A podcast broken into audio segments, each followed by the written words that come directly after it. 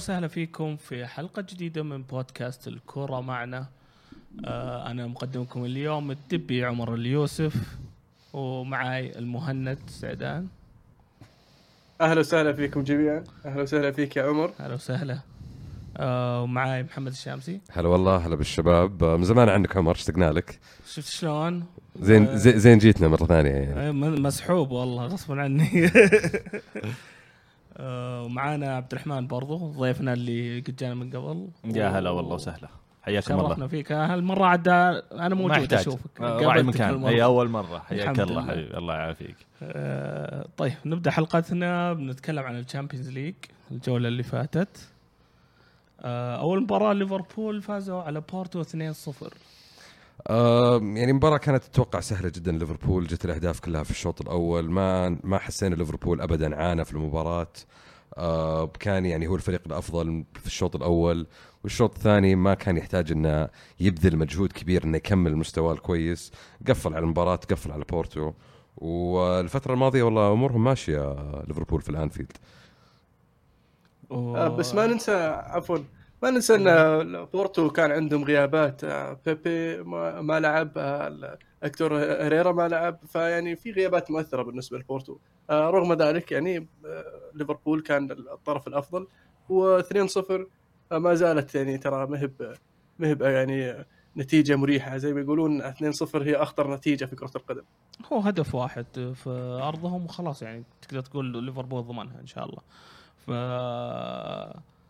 أتوقع ليفربول آه، هذا المتوقع منه يعني ضد بورتو. كنا نتوقع ممكن مفاجأة من بورتو بس يمكن في الدراجاو. أنا يمكن آه، بالنسبة لمباراة الذهاب ليفربول آه، اللي عجبني في كلوب إنه دخل يعني بكامل قوته. يبغى ينهي المباراة حتى من الشوط الأول مو من مباراة الذهاب من الشوط الأول بحكم إنه يعني المنافسة في الدوري الإنجليزي اشتدت وصارت صعبة ومباراتهم الجولة اللي بعدها كانت مع تشيلسي. فداخل المباراة آه، واضح وش كان يبغاه خلصها من الشوط الأول وخلاص. وبعد المباراة ركز تقريبا على على مباراة تشيلسي في, الدوري. لا وغير كذا يعني بورتو أتوقع هو كان الحلقة الأضعف بين فرق الربع النهائي. يعني أتوقع كل الفرق كانت وجهها تواجه ودها تواجه بورتو. لكن ما أتوقع إنك بورتو, بورتو بيوصل ال semi-final. يعني ممكن بورتو وأياكس بس أياكس كان يعني شفنا اياكس مثلا قدام مدريد كان رائع. وحتى في المباراة الثانية مباراة اياكس آه، ننتقل لها. اياكس آه، يتعادل واحد واحد ضد يوفنتوس في أرضه. كان يعني بصراحة أداء ممتاز أنا بالنسبة لي من اياكس آه كان هو الأفضل كان هو الأخطر كان هو اللي متمسك يعني في المباراة ومتحكم فيها. بس خبرة اليوفي طبعا وخبرة كريستيانو رونالدو اللحظات الصعبة يظهرون يكونون يظهرون الرجال يعني على قولتهم. وظهر كريستيانو في ذيك المباراة. أنا عاجبني والله مدرب آه، باياكس صراحة. آه، يعني مدرب اللي من زمان ما شفنا مدرب بهذا بهذه النوعية. اللي يعني مع فريق إمكانياته يعني خلينا نقول بين المتوسطه وال- والعالية على مستوى على مستوى أوروبا. ولكن قدام الفرق الكبيرة قدر إنه آه، يحرجها باللعب الهجومي. يعني في لقطات كثيرة شفناها سواء كانت في مباراة ريال مدريد أو في مباراة اليوفي. الفريق كان يهاجم بست سبع لعيبة في في ملعب الخصم. ويمكن 20 إلى 25 دقيقة ضد اليوفي في الشوط الثاني كانوا تقريبا يلعبون على على على باب واحد. ولكن في الأخير اليوفي على قولتهم أخذ اللي يبغاه من المباراة. النتيجه واحد واحد خارج أرضك تحسب لك. ولكن ما هي بالسهولة في, في الإياب. في الإياب راح بتكون مباراة صعبة خصوصا إنه أياكس على المرتدة يلعب بشكل يعني عالي جدا حكيم زياش آه، تاديتش آه، آه، فبتكون صعبة. مهند أذكرك الحلقة اللي فاتت ما ما كنت متوقع رونالدو يلعب. وش رأيك آه،؟ مو ما كنت متوقع هو كان already معلن إن رونالدو بيلعب بس كنت أقول الأفضل إنه ما يشارك آه، يعني حفاظا على آه، استمراريته لل- لنهاية الموسم. آه، لكن آه، رونالدو شارك وشارك بهدف فسوى اللي اللي, يبغاه أليجري وجمهور اليوفي. بال away goal. وعنده كان عنده فرصة إنه يريحه في في الدوري فعلا. مباراة الدوري ما لعب. آه، كريستيانو رونالدو يجهزه لمباراه آه، الإياب في آه، تورينو. ولا بصراحة يعني شيء حلو أنا بالنسبة لي إني أشوف آه، فريق زي أياكس فريق عريق يعني في البطولات الأوروبية يرجع ويقدم مستويات كبيرة في ال Champions League. ما أتذكر آخر مرة فريق هولندي يعني فعلا تقدر تقول وصل بعيد. يعني أتذكر PSV ايندهوفن مع ميلان ظاهر في عام 2007 أو 2004 آه، أو في عام يعني موسم 2004 2005 أو موسم 2006 2007 بس يعني ترجع 2007 2006 أيام 2007 بارك جي سونغ بالضبط. لا 2004 2005 البارك جي سونغ أنا أتكلم إنه فترة طويلة جدا ما شفت فريق آه، هولندي يعني قدر فعلا يترك أثره وبصمته في مباراة أوروبية كبيرة ضد فريق أوروبي كبير. يعني ما راح تعلق إنه يقول يوم مع بارك جي سونغ يعني مع بارك جي سونغ ال- ال- ال- ال- يعني. الأسطورة الكورية يعني. الأسطورة الكورية يعني. ف فلا فبالعكس شيء جميل يعني كمان مدرسة اياكس آه، قاعد تخرج نجوم من من جديد. آه، شفنا ديونج انتقل إلى برشلونة. آه، ديليخت أتوقع بيكون عليه يعني صراع كبير في الصيف هذا بين الأندية الكبيرة. وبشكل عام الفريق اللي قدروا يبنوه اياكس على آخر موسمين يعني بصراحة أتمنى إني ما يتفكك بالسهولة اللي تتخيلها وأتمنى اني اشوفه يقدر يقدم مستويات أكبر في أوروبا في السنوات القادمة. طيب وننتقل للمباراة اللي بعدها. عندنا توتنهام يفوز على ملعبه الجديد واول مباراة Champions ضد مانشستر سيتي 1-0 بعد اجويرو ضيع بلنتي في المباراة هذه. فهذه المباراة بصراحة مفاجأة كانت بالنسبة لي مشا... تشكيلة آه، بيب. أنا في وجهة نظري بيب جوارديولا ضيعها قبل ما يضيع أجويرو البلنتي. آه، آه، يعني برناردو سيلفا. ودي بروين ومشاركة آه، محرز على حساب ساني آه، كلها بالنسبة لي كانت خيارات غريبة. آه، ب- السيتي سيطر على المباراة لكن من غير من غير آه، آه، آه، آه، آه، ملموس. وفي الأخير آه، خطفها توتنهام بحقية في وجهة نظري. يعني وكان كان واضح من نهاية الشوط الأول أن أن يعني توتنهام صار أقرب إلى خطف الفوز في مباراة الذهاب. لكن المباراه ما زالت لم تحسم. آه، آه، سيتي يقدر يخلصها في الاتحاد. لكن اللي بسألكم عنه تصريح آه، آه، شو اسمه جندوجان بعد المباراة قال ال- أن ان الس- السيتي آه، في في هذه المباريات آه، يفقد آه، أعصابه أو آه، تركيزه. فإذا استمر على هذا هذا هو الحاجز بينه وبين إنه يصير فريق كبير.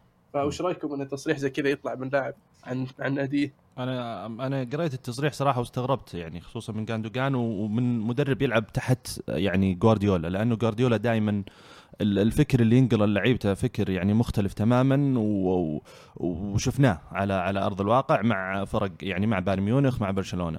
فأعتقد إنه مشكلة ال Champions League دائما سبحان الله تصير هاجس لكل الفرق. ومعروف إنه جوارديولا دائما أغلب ال ال ال يعني انتقاد الجمهور له أو أغلب عتب ال- الكارهين خلينا نقول له إنه هو ما قدر يحقق ال Champions League. آه، بفترات يعني آه، على قولتهم كثيرة أو حتى مع بايرن ميونخ في فريق قوي لبايرن ميونخ في فترة من الفترات. الآن مع السيتي كونت لك فريق هذه ثالث سنة أو رابع سنة حتى أعتقد دور نص النهائي ما وصله. من بدايه ف... ثالث سنة. آه، ثالث سنة. فأعتقد إنه الضغط اللي صار على المدرب انتقل على اللعيبة وجاندوجان عبر عنه بطريقة من وجهة نظري خاطئة برضو. لا بس يعني كمان يعني في نقطة هنا. أنت لما ترجع تطالع إلى ال record حق بيب في آخر آه، خمس ست سنوات يقول لك فاز بيب فقط, فقط ثلاث مباريات من أصل 15 مباراة في الأدوار الإقصائية في ال Champions League. من يوم يعني 2012 يعني مع برشلونة ومع بايرن ومع سيتي الحين ثلاثة من 15 مباريات away تفوز فيها فقط. واضح أنه في مشكلة مع بيب ومع آه المباريات هذه اللي خارج ملعبه في ال Champions League. احتمال ألمو يعني تعليقا على على نقطتك أن التشكيلة كانت غريبة. ممكن بيب يفكر في الأمور هذه بشكل زيادة. تعرف يقول لك تحلل الموضوع بشكل زايد تقوم تخربه فيعني على قولك ما توقعنا نشوف محرز. ساني كان المفروض يبدأ. آه برناردو سيلفا مصاب ممكن يكون ما كان مستعد. نفس الشيء دي بروين توه راجع من إصابة ما كان ممكن في لياقته الكاملة. فبس أنا بالنسبة لي هي الغريب إنه اجويرو بلنتي زي كذا في نقطة حساسة في المباراة توك في الشوط الأول تشوته بالطريقة هذه يعني تحية للوريس على الصدة. بس اجويرو أفضل من كذا المفروض. ترى ترى اجويرو برضو نفس الشيء كان مصاب وكان في احتمال إنه ما يلعب. وأنا صراحة شخصيا توقعت إنه يبدأ بجيسوس آه، في بداية المباراة لأنه كلام كثير طلع على اجويرو إنه غير جاهز لين حتى قبل المباراة بليلة. فإضافة إلى إنه اجويرو غير جاهز يعني لا لا ساني ولا دي بروين ولا برناردو سيلفا. بس لكن عشان يعني آه، يعني نعطي ال credit لبوكيتينو. صراحة بوكيتينو قدم مباراة رهيبة. يعني لا لا في التشكيلة. يعني مو زي ما توقعنا إنه يلعب بثلاث قلوب دفاع وأظهرة ويعني يصير خايف شوي. لا لعب بأربعة.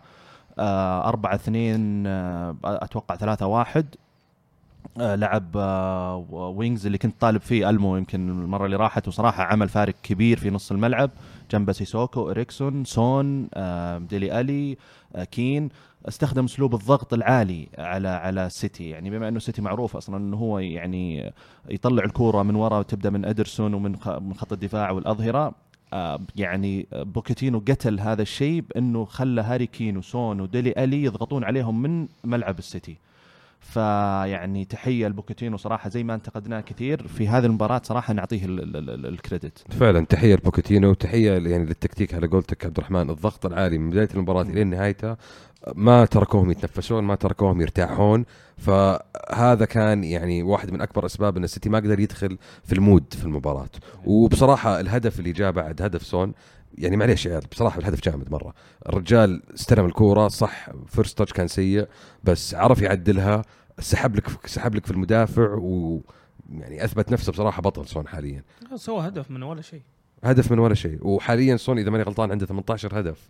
تقريبا في جميع البطولات فإن جناح يقدر يسجل لك هدف مباراة مهمة زي كذا. وعلى فكرة هو الوحيد اللي سجل أهداف توتنهام حاليا يعني غير غير المباراة الماضية في, الملعب. الجديد. إيه،. الملعب الجديد طبعا لا. سون نوعية اللعيبة اللي يحبون المدربين.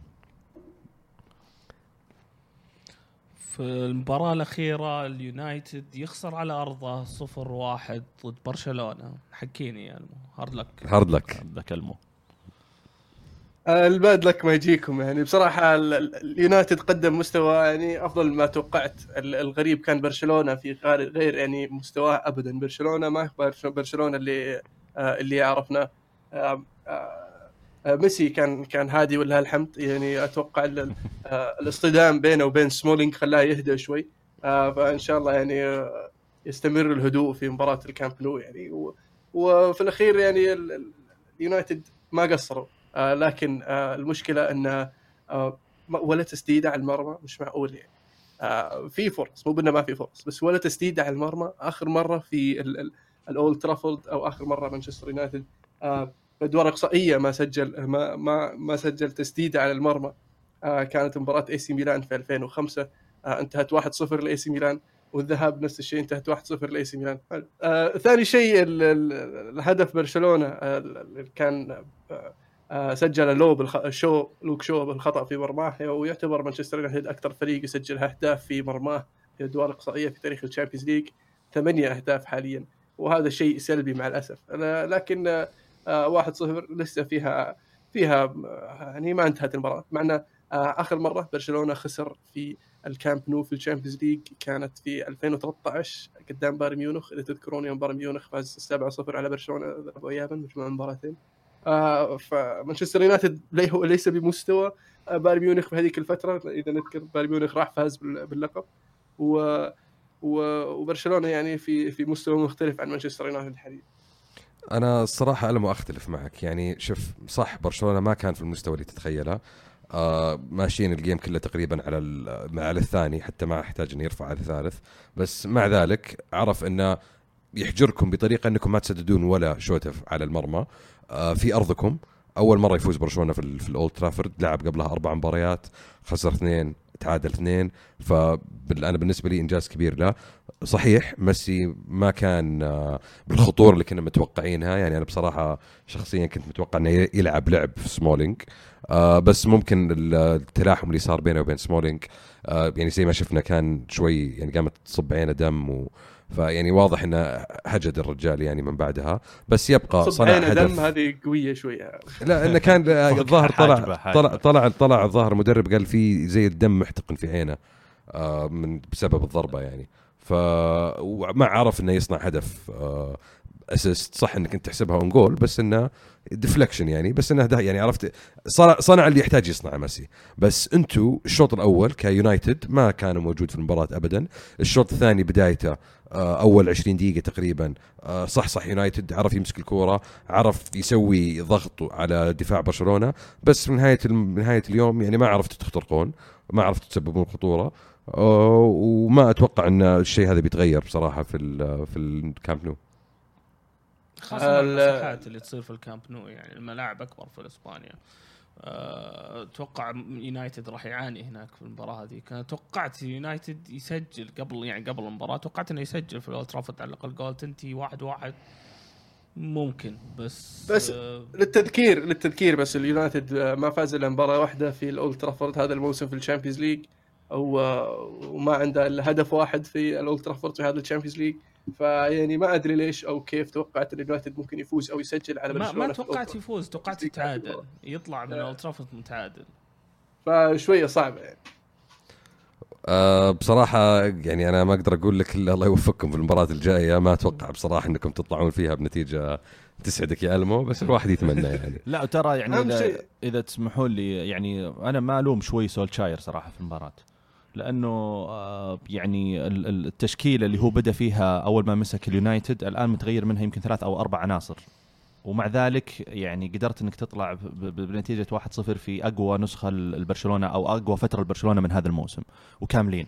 يعني عندك دالوت أصلا آه، أو دالوت الظهير وملعبه جناح يسار. لا ماتيتش آه، هريرا هيريرا لينجرد مارسيال هذول يمكن أربعة أعتقد أنهم كانوا فارقين بغض النظر عن مستوياتهم الفنية الشخصية ولكن في بداية فترة سولشاير ال- ال- ال- الفوق ال- ال- ال- الست أو سبع انتصارات اللي كانت متتالية كانوا هذول تشكيلة ثابتة آه، عرفوا طريقته آه، صار عندهم يعني ثقافة الانتصارات خلينا نقول خلينا نقول آه، في هذه المباراة وقبلها يمكن بمباراتين ثلاثة تغير كذا شيء. يعني ماتش أعتقد إنه يعني كان فارق مع إنه فريد قدم مستوى خرافي في هذيك المباراة صراحة. آم، آم، ب- بلينجارد مارسيال آه، يعني ف ف إضافة إلى الحكم. أنا ما أحب يعني مرة صراحة أتكلم عن التحكيم كثير لكن الحكم حسيت إنه ما كان في المستوى ال- ال- المطلوب. في بلنتي ال- ال- الم- المانشستر أعتقد على بيكي ما رجع. صحح لي آه، ألمو إذا هذا. و... صحيح، معك حق. وفي أعتقد كان طرد برضو على, على بوسكيتس. بوسكيتس؟ بوسكيتس إيه، سوى يمكن يعني أربع خمس فاولات وكلها. فاولات تستاهل أص- أصفر على أقل تقدير فهو already ماخذ أصفر فكانت على. أقل تقدير يعني ياخذ واحد ثاني عادي عادي ذوق المرة اللي ذقناه يعني غير كذا يعني غير كذا يعني مع في- العلم عشان لا عشان ما يصير عشان ما يصير يعني يصير حقاني لقطة سمولينج كان في يعني في بالضبط. احتمالية إنه ممكن ياخذ عليها كرت أحمر يعني احتمالية صحيح صحيح وغير كذا ترى في فار في الموضوع يعني فمسألة ما إن رفض بلنتي وما لا بلنتي بيكي طالبوا إنه يرجع للفار قالوا له بس ارجع شوف رفض إنه يرجع للفار يعني أنا ما أدري أنا أتوقع إن حكم الفار دائما يعني في, في عطى. اللحظات هذه يراقب يعني يشوف يشوف اللقطات هذه وإذا في شيء اي هو للحكم. عطاه ال sign إنه إيه. تعال شوفها أنت أكد ولا لا فهو شكله قال له لا أصلا ما فيها شيء مع إيه. العلم فيها شك ترى. أوكي ما مشكلة فبس إنه يعني good luck لليونايتد في المباراة القادمة آه ما أتوقع إنكم يعني آه، بتسوون شيء فيه بس احب أوكي. أحب أضيف شيء بس آه، لوك شو آه، توقف طبعا بعد ما أخذ إيه. كرت أصفر في في مباراة الذهاب آه، حاليا المشكلة زي ما يعرف الجميع إن مشكلة اليونايتد هي الدفاع ولوك شو من أهم عناصر الفريق وأشلي يونغ هو ال weakest link خلينا نقول ف ما في بديل للظهير يسار للوك شو إلا إن كان تلعب يونغ على اليسار أو تلعب ماركوس روخو أو تلعب دارميان. طبعا ماركوس روخو ودارميان يعني ليس في ليسوا في المستوى حاليا خاصة روخو. طبعا روخو إذا بتنزله بتلعبه أعرف إنك تلعب ناقص واحد. شوف آه، أنا أعطيك الحل. واحتماليه كرت أحمر بعد. الحل هذه مشكلة. الحل بسيط جدا يا لمو. لعبوا لعبوا راشفورد ظهير. دامكم خليتوا أشلي يونغ ظهير وخليتوا فالنسيا ظهير يلا هذا واحد ثالث معاهم. ما قدرتها شكلك قبل لا نخلص نسولف عن Champions League مين توقعاتكم الأربعة المتأهلين؟ نبدأ فيك عبد الرحمن آه بالنسبة لي آه ليفربول ليفربول بورتو أتوقع ليفربول آه توتنهام كم و- كم النتيجة سهلة أتوقع إنك تتوقع آه، أوكي. بالنتيجة. النتيجة. أوكي صعبها شوي يعني أنا أتوقع آه ب- ب- 2 1 ليفربول وبورتو أنا سيء في اثنين- توقع. اثنين واحد يعني 2 1 برشلونة. ليفربول آه أوكي ليفربول يعني واحد تأهل. اثنين حلو آه اللي بعدها مين اللي اللي معها؟ السيتي و سيتي وتوتنهام. السيتي وتوتنهام. أنا أتوقع آه يعني أتوقع تأهل توتنهام بس أتوقع إن المباراة راح تكون تعادل إيجابي. تعادل إيجابي. كذا تمام. المو ولا لازم الرقم؟ والله لا حلو تمشي. أتوقع تعادل. إيجابي. قصدك 2 2 اثنين اثنين اثنين- إيه، اثنين- اثنين اثنين مقبولة. اثنين- نرضى في اثنين اثنين. اثنين اثنين واحد واحد يعني ها. آه تأهل توتنهام. برشلونة ويونايتد أتوقع تأهل برشلونة. 2-0 آه آياكس واليوفي صراحة مباراة صعبة. آه لكني أتوقع آه اليوفي خلينا نقول برضو 2-1 أنا أختلف معك عبد الرحمن بمباراة آه ليفربول. أحس إن ليفربول المباراة هذيك ما حيلاعب لعيبة أساسيين كثير ما يحتاج شيء من مباراة ليفربول يحتاج تعادل فقط. فأتوقع إنه بيريح كم لاعب من اللعيبة الأساسية لأنه يحتاج يكمل على مستواه في الدوري. آه بالنسبة لبرشلونة ويونايتد أتوقع يعني نتيجة كبيرة لبرشلونة. بصراحة مو معليش عليه يعني 3-0 مثلا. لأن فيهم الحرارة وفيهم الحمية إنهم يطلعونها. آه آياكس يوفي يعني هذه أو يوفي آياكس بالأصح هذه أنا. بالنسبة لي أصعب واحدة. صحيح. آه ما أدري ليش بس عندي شعور إنه ممكن تكون في مفاجأة من آياكس. عندي شعور إنك ممكن تشوف 2 2 يتأهل آياكس away goals شيء غير متوقع أحس في المباراة هذه ممكن يصير. آه بالنسبة لي توتنهام وسيتي آه بالأصح سيتي توتنهام تعادل 2 2 أحس هذه النتيجة الأقرب. أوكي المهند. آه بالنسبة لليفربول آه بورتو أتوقع بورتو 2-1 أو آه ال- اليوفي واياكس أتوقع آه آه 2-1 اليوفي. وبالنسبة لي آه آه سيتي توتنهام أتوقع 3-1 السيتي و3-0 البرشلونة. حلوة موافقني يعني. كلنا متقاربين باقي أنت. آه، أتفق على ليفربول بورتو. أتوقع بورتو بيفوزون بس ما راح يتأهلون. مم. 2 1 يعني الأقرب معقولة. 1-0. مم. آه بالنسبة لبرشلونة يونايتد أتوقع برشلونة زيك. 3 0 وأتوقع ميسي يكون يكون مشعل وقتها. آه سيتي توتنهام اللي يمكن ما أتفق معاكم. أتوقع السيتي حيرجع 3 1 في المباراة هذه. آه أنا يعني دا- أياكس- دام دام توتنهام عرف يفوز الذهاب 1-0 ما بمخفق في ال... يعني ما عرفت اللي بوتشيتينو. هذه لحظتك يا بوتشيتينو. هذه أكبر مباراة إنك أنت ممكن تلعبها حاليا ما كمدرب توتنهام. الدفاع قدامه حل إنه كيف ينظم ورا ويحاول يلعب على المرتدة لأنه لا هاري كين ولا ديلي الي أتوقع بيلعبون. وهاري ف- كين إلى نهايه الموسم ما. إصابته فخلاص يعني. عندك سون ولوكاس يعني هم الخطورة الوحيدة الموجودة لتوتنهام. بس نسبة نسبة فوز توتنهام مع من غير هاري كين آه، أكبر يعني مع إنها مباريات أقل فعلا. آه، لكن آه، آه، سون سون من بعد يعني لما لما هاري كين ما يلعب سون يتفلت. وحتى يعني سجل الهدف الفوز لما طلع هاري كين. صحيح. فأتوقع يعني راح يكون له له دور كبير في هذه المباراة. سون صانع الفرق إن شاء الله.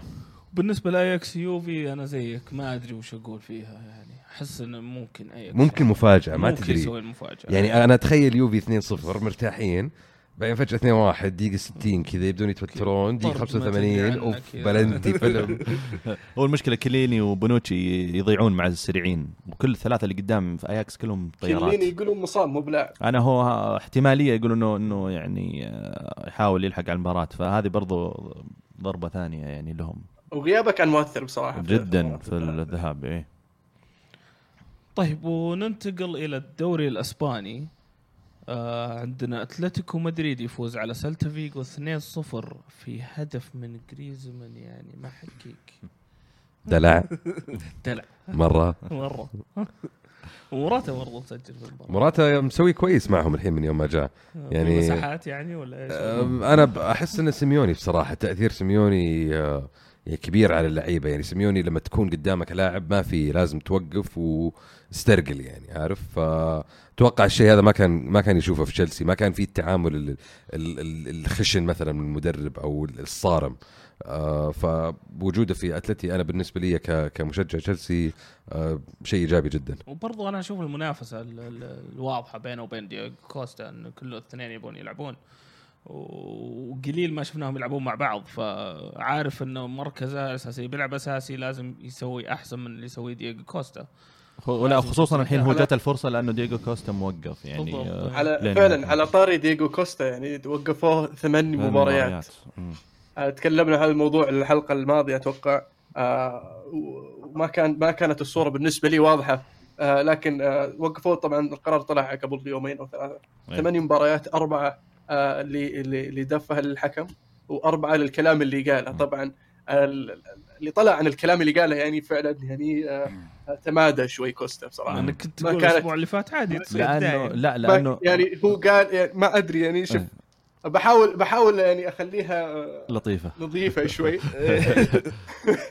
آه، آه، إن آه، أسلم. حبة حبة يا حبة حبة أبو...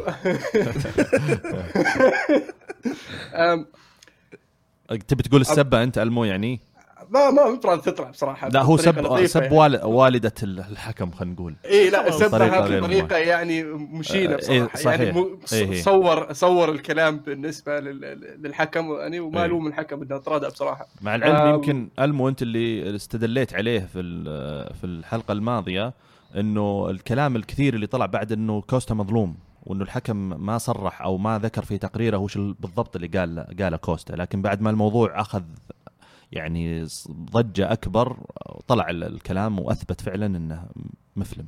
كوستا. فعلا لما طلعت الحقائق يعني ما ما ألوم الحكم إنه يعني. طرده بصراحة وأنا أسحب كلامي إنه كوكستا يعني كان ما يستاهل الطرد ف- شوف آه. كو- كوستا مفلم كوستا مفلم يعني طول عمره مفلم مو بشيء جديد عليه إنه مفلم. ولا ويقول لك المضحك في السالفة إنه لما ب... لما جاي يطرد الحكم راح قال له يعني على أساس إنه بيرقع السالفة هو الحين يقول له لا أنا ما كنت أسب أمك أنا كنت أسب أمي أنا.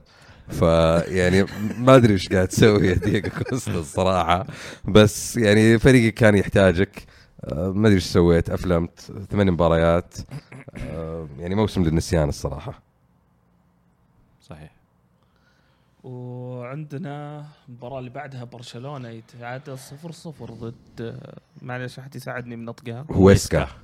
هويسكا. شكرا. هويسكا. آه طبعا آه، طبعاً- أسلم ألمو. جو تفضل. آه، ب- ب- هو آه، برشلونة لعب بالصف الثاني تقريبا. فرصة لهم آه، إنهم يعني يريحون كثير من العناصر الأساسية طبعا ويجربون عناصر جديدة. مو مو فارقة معهم واجد. ما راح تفرق فرق معهم يعني. في الدوري طبعا. آه، أنا بس لفت نظري آه، بالمدافع الجديد الفرنسي اللي جابوه تاديبو أو توديبو. توديبو. توديبو شفته يمكن لقطات وصراحة عجبني عجبني وقفته في الملعب آه، عجبني ثقته بنفسه كأني أشوف آه، بدايات آه، فاران جديد. طبعا برشلونة سووا عشر تغييرات في هذه المباراة. ما شارك إلا شتيجن من ال- الفريق الأساسي. واهم نقطة بالنسبة لي كانت عودة ديمبلي مشاركة مهمة بصراحة عودته في وقت آه، حرج بالنسبة لبرشلونة آه، في فترة الحسم آه، ربع نهائي ال Champions League وترقبا لنصف النهائي. وبقي لهم ثلاث نقاط ويحسمون الدوري تقريبا يعني يعني أو حولها حواليها. ولعب يعني 67 دقيقة يعني فشيء ممتاز بالنسبة له وبالنسبة للفريق. وقاعد تلعب مع متذيل الدوري يعني الفريق في مركز العشرين فما أتوقع إن يديك تحتاج إنك تشد حيلك مرة كثير. خاصة إن الفرق بينك وبين منافسك الثاني يعني صار بعيد مرة صار كثير. ف يعني في برضو عندنا مباراة إشبيليا وريال باتيس ديربي. الله. ديربي هو وش ديربي الأندلس. صحيح؟ مهند مهند. يعطينا السالفة.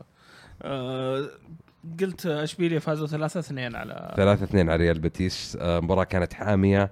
آه، مليئة بالمتعة مليئة بالأهداف آه، مليئة بالحماس وطبعا الهدف الأخير لإشبيليا جاء في الدقيقة 80 يعني فحتى كانت يعني كسرة خاطر الباتيس اللي كان لعبهم في ال game مرة كويس. أنا عن نفسي يعني من أمتع مباريات هذا الأسبوع كانت مباراة اشبيليا وبيتيس ليس تحيزا للدوري الأسباني ولكن فعلا دائما مباريات هذه الفريقين على قد ما فيها شحن وعلى قد ما فيها طقاق على قد ما تشوف جانب فني وجانب يعني روح لعيبة وأشياء يعني يعني كل الأشياء الحلوة الممتعة في كرة القدم ممكن تشوفها في هذه المباراة. بالإضافة إلى أني أنا صراحة من عشاق المدربين ال- الاثنين آه خواكين كاباروس وسيتين. الاثنين قاعد جالسين يقدمون كورة رائعة آه مع إنه كاباروس يعني أصلا آه يعني كان منقطع عن التدريب الفترة والآن يعاني من من من من مرض. ومع ذلك بتشوف عرفت ال- ال- الشغف تشوف ال passion في فيه وفي في أسلوبه على على الفريق اللي انعكس ايجابيا على إشبيليا لأنهم مروا بفترات صعبة خلال بداية الموسم. مع مع سيتين اللي قدر يكون فريق آه، رائع ممتع مع مع بيتيس ب- ب- بجلب عناصر معينة يحتاجها. آه، ب- ب- كانت مباراة ممتعة انتهت بفوز الفريق. أعتقد اللي آه، استحق ال- الانتصار في هذه المباراة. وغير كذا كان فوز جدا مهم لاشبيليا لأنه يحافظ على المركز الرابع في الدوري الإسباني. آه، المنافسة بينه حاليا وبين ختافي. آه، اشبيليا عنده 52 نقطة ختافي عنده 51 نقطة والسادس فالنسيا عنده 49 نقطة. ف... اللي فاز 3 1 على ليفانتي. فالمنافسة حاليا حامية لسه ما عرفنا المركز الرابع مين حيكون في إسبانيا. آه، ممكن يكون فالنسيا ممكن يكون إشبيليا ممكن يكون خيتافي. صحيح. ممكن. آه عندنا مدريد طبعا يلعب اليوم. إيه. آه مباراته ضد ذكروني ليجانس. ليجانس. بالضبط. توقعاتك عبد الرحمن المباراة؟ والله يعني أنا يمكن ذكرت سابقا في حلقة حل- حلقة سابقة تناقشنا فيها عن وضع مدريد حاليا. الآن أنا يعني مطمن إنه زيدان جاي هذه الفترة على أساس يوقف على مستويات أغلب اللعيبة. آه إلى الآن يقول لك زيدان في يمكن أربع إلى ست مباريات تقريبا جرب أكثر من 18 لاعب. وهذا يعطيك مؤشر إنه هدف زيدان الرئيسي هذا الموسم إنه يشوف مستويات اللعيبة آه، يسوي يجهز لسته من ال- ال- الناس ال- ال- ال- ال- اللي راح يطلعون ومن الناس اللي قاعدين ومن المرا... وش المراكز اللي يحتاجها. ومتأكد إنه أول واحد في أول واحد في لستة زيدان آه، جارث بيل. أنا متأكد 200% بس أنا لو يطلع جاريث بيل أنا أصير مرة مبسوط لا يقول لك إدارة مدريد عطت جاريث؟ بيل عطت جاريث بيل الخيار بين الأندية اللي ممكن تتقدم له أنتم تشيلونه يا ألمو ماكم تشيلونه أنتم صار لك سنين تحرج لا عليه مو مو ب- مو ب 130 مليون ما يطلب يوصل. مبلغ مبلغ فلكي أنا أعتقد راتبه وصل 600 ألف في الأسبوع يعني صعب إيه. أعطيك راتب 600 ألف في الأسبوع آه. المفروض أنا شخصيا ودي ما أقول لك ما ودي إنه يجي بس. المفروض إدارة مانشستر يونايتد تكون تعلمت من ال- الدرس اللي أعطاهم إياه ألكسيس سانشيز فإذا هو- ما تعلموا هم فيعني ما أدري. أنا أتوقع مع يعني مع مفاوضات بوجبا إذا كانت صحيحة يعني أنا إلى الآن أحس إنه في مفاوضات ولكن ما أدري ماني ماني مرة متأكد من صحتها. يعني ما أخذوا على قولتهم مدريد الأكشن أو أو أو شيء زي كذا. لكن إذا صار فيه بوجبا كخيار المدريد أتوقع بيل ممكن يدخل في الصفقة. واذا إذا سؤالك ألمو كان من تتوقع يطلع من تتوقع يجي أعتقد إنه يعني آه، القادمين هازارد آه، بوجبا مع ميليتاو اللي already هو وقع هذول ثلاثة يعني بشكل رئيسي. ممكن يجي رابع لاعب رابع آه، أو خامس أسباني في في مدافع معار من مدريد إلى شو اسمهم إسبانيول. والله نسيت اسمه ممتاز. ممكن يجي كخيار رابع في الدفاع مع احتمالية خروج لوكاس فاسكيز. آه كلام كثير طالع عن كروس الفترة الأخيرة ماني برضو متأكد من صحتها لكن ما, ما أعتقد مرة. آه برضو فاران كلام كثير طالع ف فلسه الصورة ما بعد اتضحت كثير ولكن مع الوقت آه بتوضح أكثر أتوقع. إسكو قاعد ولا ماشي؟ إسكو مع زيدان قاعد. مارسيلو. مارسيلو قاعد. مارسيلو يقول لك يبي اليوفي. آه يقول لك زيدان بيقنع إنه يجلس يعني يكمل معكم. اي يعني هو قال سألوه مرة في المؤتمر بناء على كلام زيدان قال أنا إسكو ومارسيلو ما راح أستغني عنهم وأنا تكلمت معاهم و... وراح نكمل مع مع بعض. ما يحتاج رقم تسعة جديد بدل بنزيما؟ هذا هذا السؤال المحرج دائما للمدريديه أنا أقول يعني لما لما قلت عن هازارد وبوجبا لأنه طالع عليهم كلام يعني أكثر من المهاجم للأسف. مع إنه يوفيتش الفترة الأخيرة طلع كلام كثير.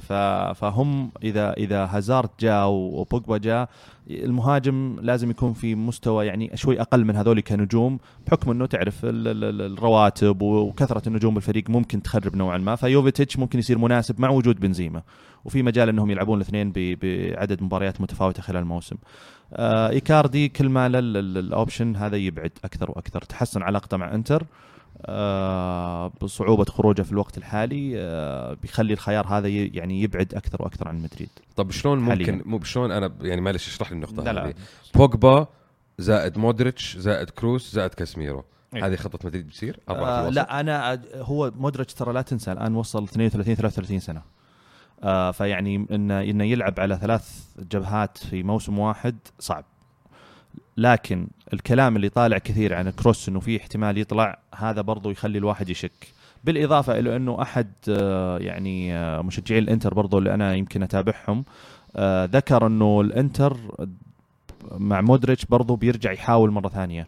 ففي احتماليات إنه يطلع أحد الاثنين يا كروس يا مودريتش مع قدوم بوجبا ولو جاء أبغى- بوج اسلم أبغى أضيف شيء بس ان إن تشتري بوجبا وتحافظ على إسكو هذا طمع وأشوف إنه greed يعني. جشع جشع. بوجبا عطني. طيب إسكو طيب. إي جشع بالضبط هذه الكلمة. بعطيك بيل آه. ولوكاس فاسكيز. شاب غابهم ذولي. أبغى أبغى أبغى لعيبة شباب لعيبة عندهم كذا عنفوان ولسه عندهم آه تعطش ل- لتحقيق أشياء. مو وصلوا وصار عندهم ملايين وصار طيب إيش قال لك؟ قال لك لوكاس فاسكيز؟ هذا واحد متعطش لوكاس فاسكيز يا حبيبي عمره 27 أكبر من فوق. و... بال... يوطي الكور شوي. عليك ترى. يدعس الكور وين شوي. يلعبون. عليك مدريديه ترى أعرفهم أعرفهم. يعني يلمعون لك ال- product من جوا فاضي. أما عاد أنا أحسب عاد قصير لسه بينمو الرجال يعني. اسينسيو لا اسينسيو لا والله ما أتوقع يبي. أنا أنا أشوف إن عبد الله مو موجود عشان تطلع طاولة ال- المفاوضات. إنه تشيل تشيل ولا ما تشيل؟ تشيل ولا ما تشيل؟ لا لا خصوصا مع مدريد ومانشستر في يعني مفاوضات آه، ثقيلة. طيب إيش رأيك في ذا الكلام يا ألمو؟ بوجبا يشيلونه؟ هل هل يعقل؟ آه شوف أنا أكون صريح معك. آه كنت أطالب بذهاب مورينيو وبوجبا يلحقه. يعني راح. مورينيو إذا لحقه بوجبا أنا ما ما راح أكون زعلان ابدا. لكن. شخصيا ما أتوقع ما أتوقع اليونايتد بيفرط فيه في هذه الفترة حاليا آه خاصة أن اعتماد أولي جونار عليه آه وصرح أكثر مرة أنه راح يبني الفريق حوله وأتوقع أنه راح يستمر على الأقل موسم زيادة قبل ما يطلع. أنا عن نفسي ما بيطلع. أفضل صراحة جاريث بيل كمدريدي آه، خيار اريكسن بالنسبة لي أفضل. لاعبين مختلفين جدا. آه، لا أنت لما تتكلم عن ثلاثة في خط الوسط تتكلم عن كاسيميرو قدامهم يا مودريتش وكروس. okay. ممكن يصير مودريتش إريكسون. أو ممكن يصير مودريتش بوجبا صح؟ yes بس أنا قصدي إضافة بوجبا وإضافة إريكسن. يعني قاعد أتكلم عن واحد يجيك بعجرة والثاني يجيك بسكينة. مو بنفس الشيء. يعني. طيب شباب آه، سواليف فيفا manager هذه. ما آه، ننتقل طيب للدوري ال- الإنجليزي. آه، عندنا توتنهام يفوز 4-0 على هدرسفيلد ما أدري إذا في شيء يذكر زيادة غير إنه لوكاس مورا سجل هاتريك. وهدرسفيلد مسكين يعني ما غير يلقى أهداف آه على الرايح والجاي. هدرسفيلد هبطوا ما عليهم يعني. آه، هبوط رسمي. إيه. 14 هذا- نقطة يا كافي. يعني الحين مساكين. مرة. الظاهر ديربي اللي قد جابوا أقل من ديربي 12 كانوا. إيه. هذا إيه. ال- record العظيم حقهم. هذا أنا أعتقد إنها يعني شيء إيجابي بالنسبة لوكاس مورا إنك أنت تسجل هاتريك قبل آه، المباراة اللي في ال Champions League. وشيء إيجابي برضه إنك تفوز قدام جمهورك في ملعبك الجديد ومستمر على سلسلة الفوز في ملعبك الجديد. صحيح. على طاري يا عيال ترى ملعب توتنهام الجديد مرة جميل. شفتوه انت في ال Champions؟ شاشات هو نفسه و- ترى س- القديم بس عدلوا عليه هو نفسه اللي هو الوايت هارت لين بس- ولا ألمو إيه، في الإضافات اللي إيه، فيه نفسه. إيه، ما ما ما, ما انتقلوا الملعب جديد يعني لا لا ما انتقلوا إيه نفس الملعب جددوه بس. بس إنه يعني دفعوا عليه. مليار إيه. pound طيبين يعني بس حلوين سهل رئيس بس يقول لك يعني بيفتحونه برضو ال NFL والرجبي يعني بيصير مو بس لا لازم. يرجعون إيه، فلوسهم فلوس فلوس أكيد خصوصا رئيسهم يحب الفلوس طيب أتوقع يعني الجولة الأهم في ال Premier League كانت الأسبوع هذا كانت آه مباراة ليفربول وتشيلسي آه يوم ما أمس. لعبوا أصلاً. آه انتهت آه لصالح ليفربول hard luck. 2-0 آه شكرا شكرا عبد الرحمن. و hard luck لك يا دبي برضو. هذا كتب. الباد لك ما يجيك. والله يعني شوف أنا يعني قد ما إني بصراحة انزعجت إن إن إن خسرنا المباراة بس داخلي فعلا ما أقدر أحزن لأن فعلا كان ليفربول يستحقها. آه فعلا ليفربول لعب يعني أنا بالنسبة لي مباراة مستوى عالي جدا. ما ترك لي تشيلسي مجال انه آه يصنع أشياء كثيرة إلا لفترات بسيطة جدا في المباراة بعد آه. الأهداف بعد الأهداف. تشيلسي كان آه يعني. الشوط الأول كانوا ممتازين ليفربول كانوا آه مو كانوا تاركين مساحات لتشيلسي كانوا يلعبون لعبهم بس بداية الشوط الثاني يعني ارتفع رتم اللعب عندهم إلى درجة أخرى يعني طق الخامس الرجال وغير آه كذا يعني خسارتك روديجر بالاصابه دخلت كريستنسن يعني أشوف إنه كانت آه، نقطة تحول في نقطة المباراة. تحول يعني الدفاع صدق خق بعدها. آه، ما في ذاك التنظيم بين ديفيد لويس وكريستنسن ما يلعبون مع بعض واجد وروديجر هو كان الصخرة اللي ورا يعني في, في الدفاع. آه، أنا كنت دائما أنتقد الدفاع في تشيلسي في المباراة هذه خاصة الشوط الأول كان ممتاز أنا بالنسبة لي. بداية الشوط الثاني آه، لسه. آه شوف أنا يعني مع أول هدف يعني ما أدري هو فاول ومو فاول. آه، ما شوف ما ما حنظر لها كذا. أنا آه. أنا في مباريات كثيرة لعبت هذا الموسم من تشيلسي.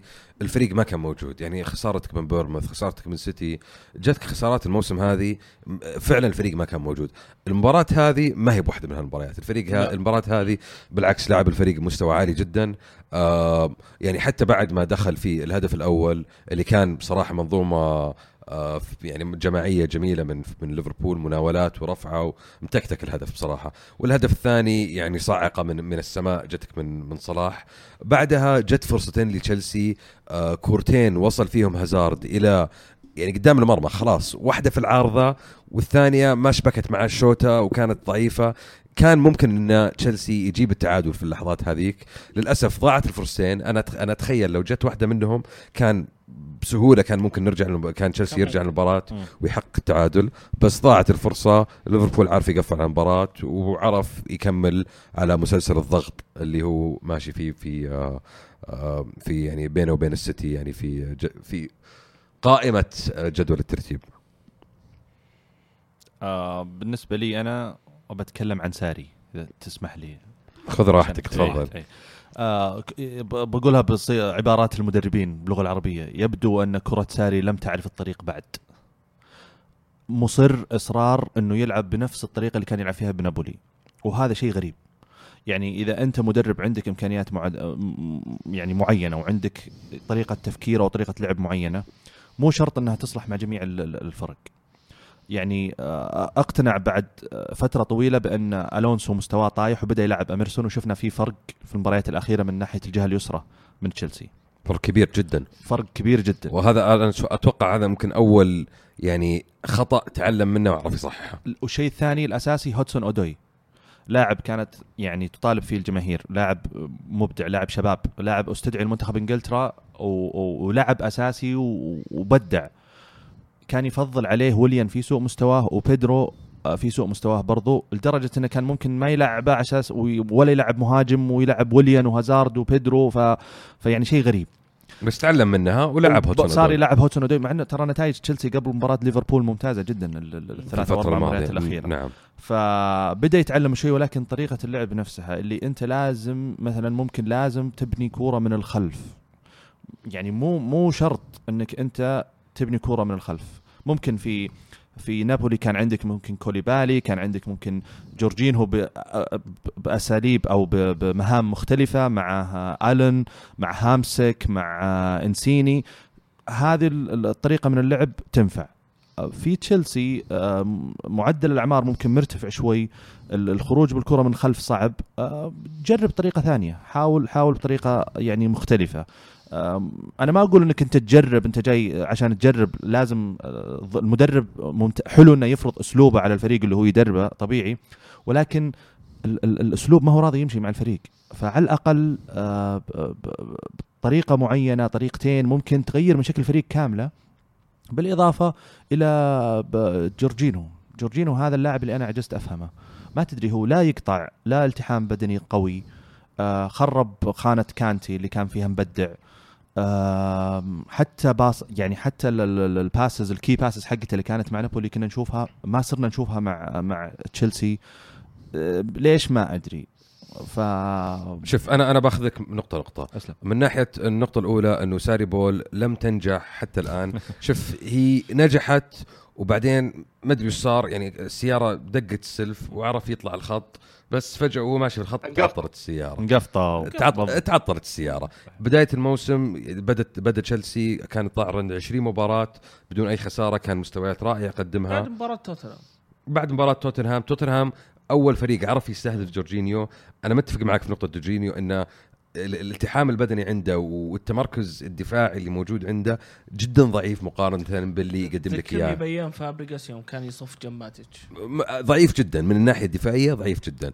آه تعلم من مسألة آه ألونسو نقطة تحول برضو مهمة جدا. أخيرا اقتنع أن ألونسو ليس ظهير يسار. النقطة هذه أنا فقت فيها كنت من زمان أن ألونسو ليس ظهير يسار. ألونسو الخطة أنا لسه مقتنع ألونسو ألونسو هو جناح يسار خلفي وليس ظهير يسار يحتاج واحد يغطي وراه.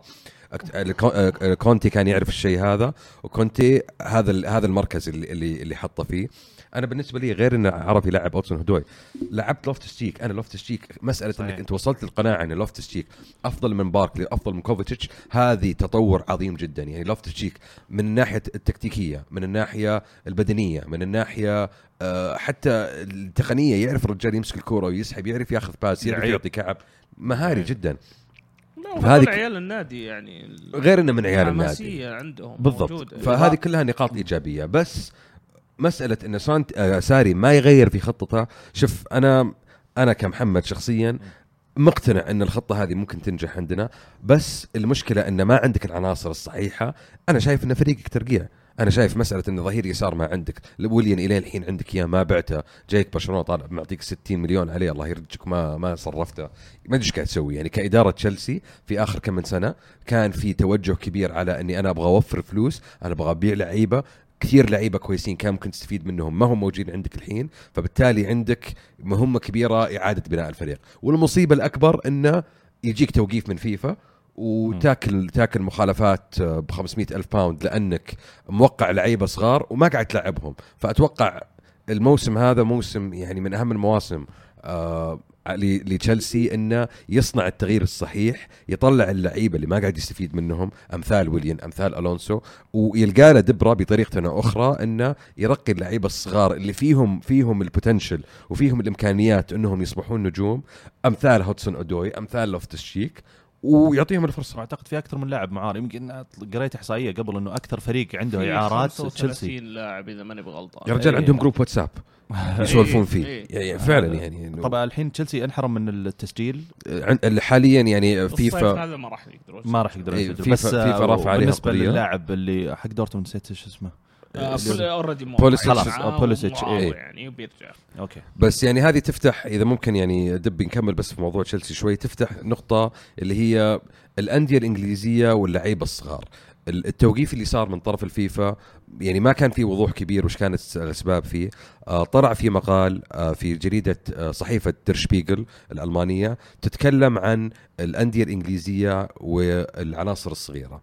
ف بس بعطيكم يعني نبذات بسيطة من المقال. طبعا كلنا نعرف إن آه، في قانون فيفا دولي إنك أنت ممنوع إنك أي توقع أي لاعب تحت 16 سنة إذا أنت بتجيبه من دولة أخرى. اللعيبة صغار في دولتك كإنجليزي أنت يحق لك توقع الإنجليزي إذا هم ساكنين في إنجلترا أو واحد مثلا غير إنجليزي ساكن في إنجلترا بس مثلا لاعب فرنسي أجيبه من فرنسا عشان إلى إنجلترا عشان يلعب عندي. إذا عمره أقل من 16 سنة هذا ممنوع. فاللي اللي كشفته الصحيفة أن الأندية الإنجليزية تتحايل على النظام هذا أنها توقع عقود مع اللعيبة وهي أعمارها مثلا 12 سنة و13 سنة. العقد هذا يتم تفعيله لما يصبح اللاعب 16 سنة بعد سنتين أو ثلاث سنوات مثلا. بس خلال توقيعه العقد هذا النادي آه، يوفر للاعب آه، مكافأة مالية بمبلغ كبير يسمونها مكافأة توقيع.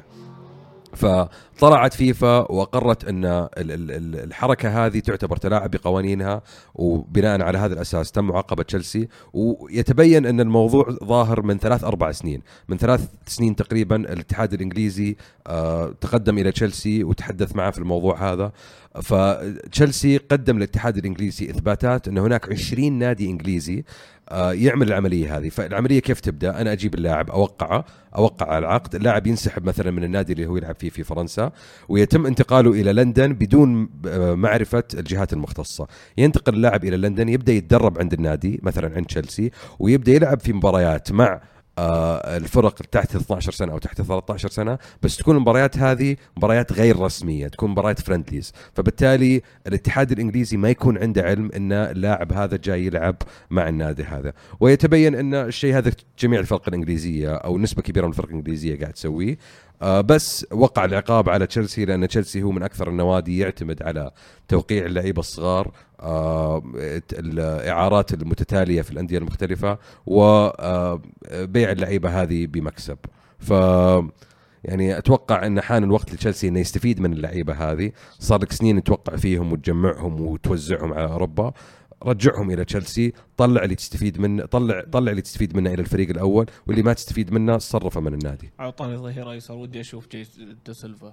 كثير كثير عند لعيبة عند تشيلسي يعني ميسن ماونت جيسون دي سيلفا آه، تراوري قبل ما ينباع إلى ليون. كان عندهم برضو. كان عندهم الإمكانيات إنهم فعلا يلعبون في الفريق الأول. أخيرا شفنا لوفتس شيك يوصل أخيرا شفنا كالوم هودسون أودوي يوصل. آخر مرة كان عندك يعني لاعب من براعم تشيلسي يوصل الفريق الأول ويقعد كان جون تيري. ف آه، okay يقعد يقعد. راين بيرتراند إيه، هذا هو. واحد طلع ولعب مع الاساسي وفاز بال Champions League آه، أبغى اضيف أبغى أضيف نقطة بس آه، آه، تشيلسي قدموا بالاستئناف أتوقع الأسبوع الماضي وما بعد جاهم رد فممكن ال- ال- ال- الفيفا يعلق ال- ال- العقوبة ل- لفترة على ما يرد على ال- ال- الاستئناف ويقال أن قد تستمر التعليق إلى إلى منتصف July يكون وقتها قد انفتح طبعا سوق الانتقالات فيصير في الفترة اللي متعلق فيها العقوبة تشيلسي يقدر يبيع ويشتري. مو آه لكن حتى الآن ما بعد آه طلع شيء رسمي. مو هو إيش اللي صار؟ آه، طالبت فيفا طالب طالبت تشيلسي بالاستئناف. آه، يعني لو تتذكر برشلونة قبل كم من سنة صارت صارت معاه نفس السالفة، برشلونة طالب بالاستئناف وقدر إنه يخلي الحكم يستأنف وراح الصيف اللي بعده وقع يعني لعيبة بمبلغ فوق ال 100 مليون. فلما نزل الحكم عليهم آه، كان برشلونة عرف إنه يدعم الفريق وعرف إنه يجيب اللعيبة اللي يحتاجهم. فلما نزلت العقوبة وتم توقيفهم ل آه، آه، أتوقع كانت سنة واحدة كان ما كان ما كان يضره. ففيفا قررت إنها توقف الشيء هذا من إنه يحصل مرة ثانية. آه، بيسوون مثال مننا يا أدمى بكل بساطة يبون يسوون مثال مننا. آه، إحنا يعني ممكن نكون أكثر نادي بارز في مسألة توقيع اللعيبة الصغار. آه، وطبعا تشيلسي إذا رفضت فيفا الاستئناف آه، بشكل مباشر ممكن ترفع القضية إلى المحكمة العليا لقضايا الرياضة اللي هي موجودة في سويسرا إذا ماني غلطان. الكاس يسمونها. طيب بما أنه إحنا لسه في الدوري الإنجليزي أعتقد إنه في مباراة حتى الأرسنال الآن قاعدة ت- تلعب تقام. أرسنال آه. قاعد يلعبون الآن. إي قاعدين يلعبون الآن. وفي في سؤال على الهاشتاج آه، ألمو يقول التشكيلة المثالية لارسنال هي بوجود لاكازيت واوباميانج وخلفهم أوزيل ورمزي وتوريرا. وفي الدكة مستافي ليش إمري ما يلعب بنفس التشكيلة بالدوري؟ مين اللي قالها؟ آه ريكو زيكو. ما ما يلعب نفس التشكيلة بالدوري لأن رامزي بيطلع خلاص ما عاد ما حد ما عاد ما عاد يقدر يعتمد عليه يعني أتوقع.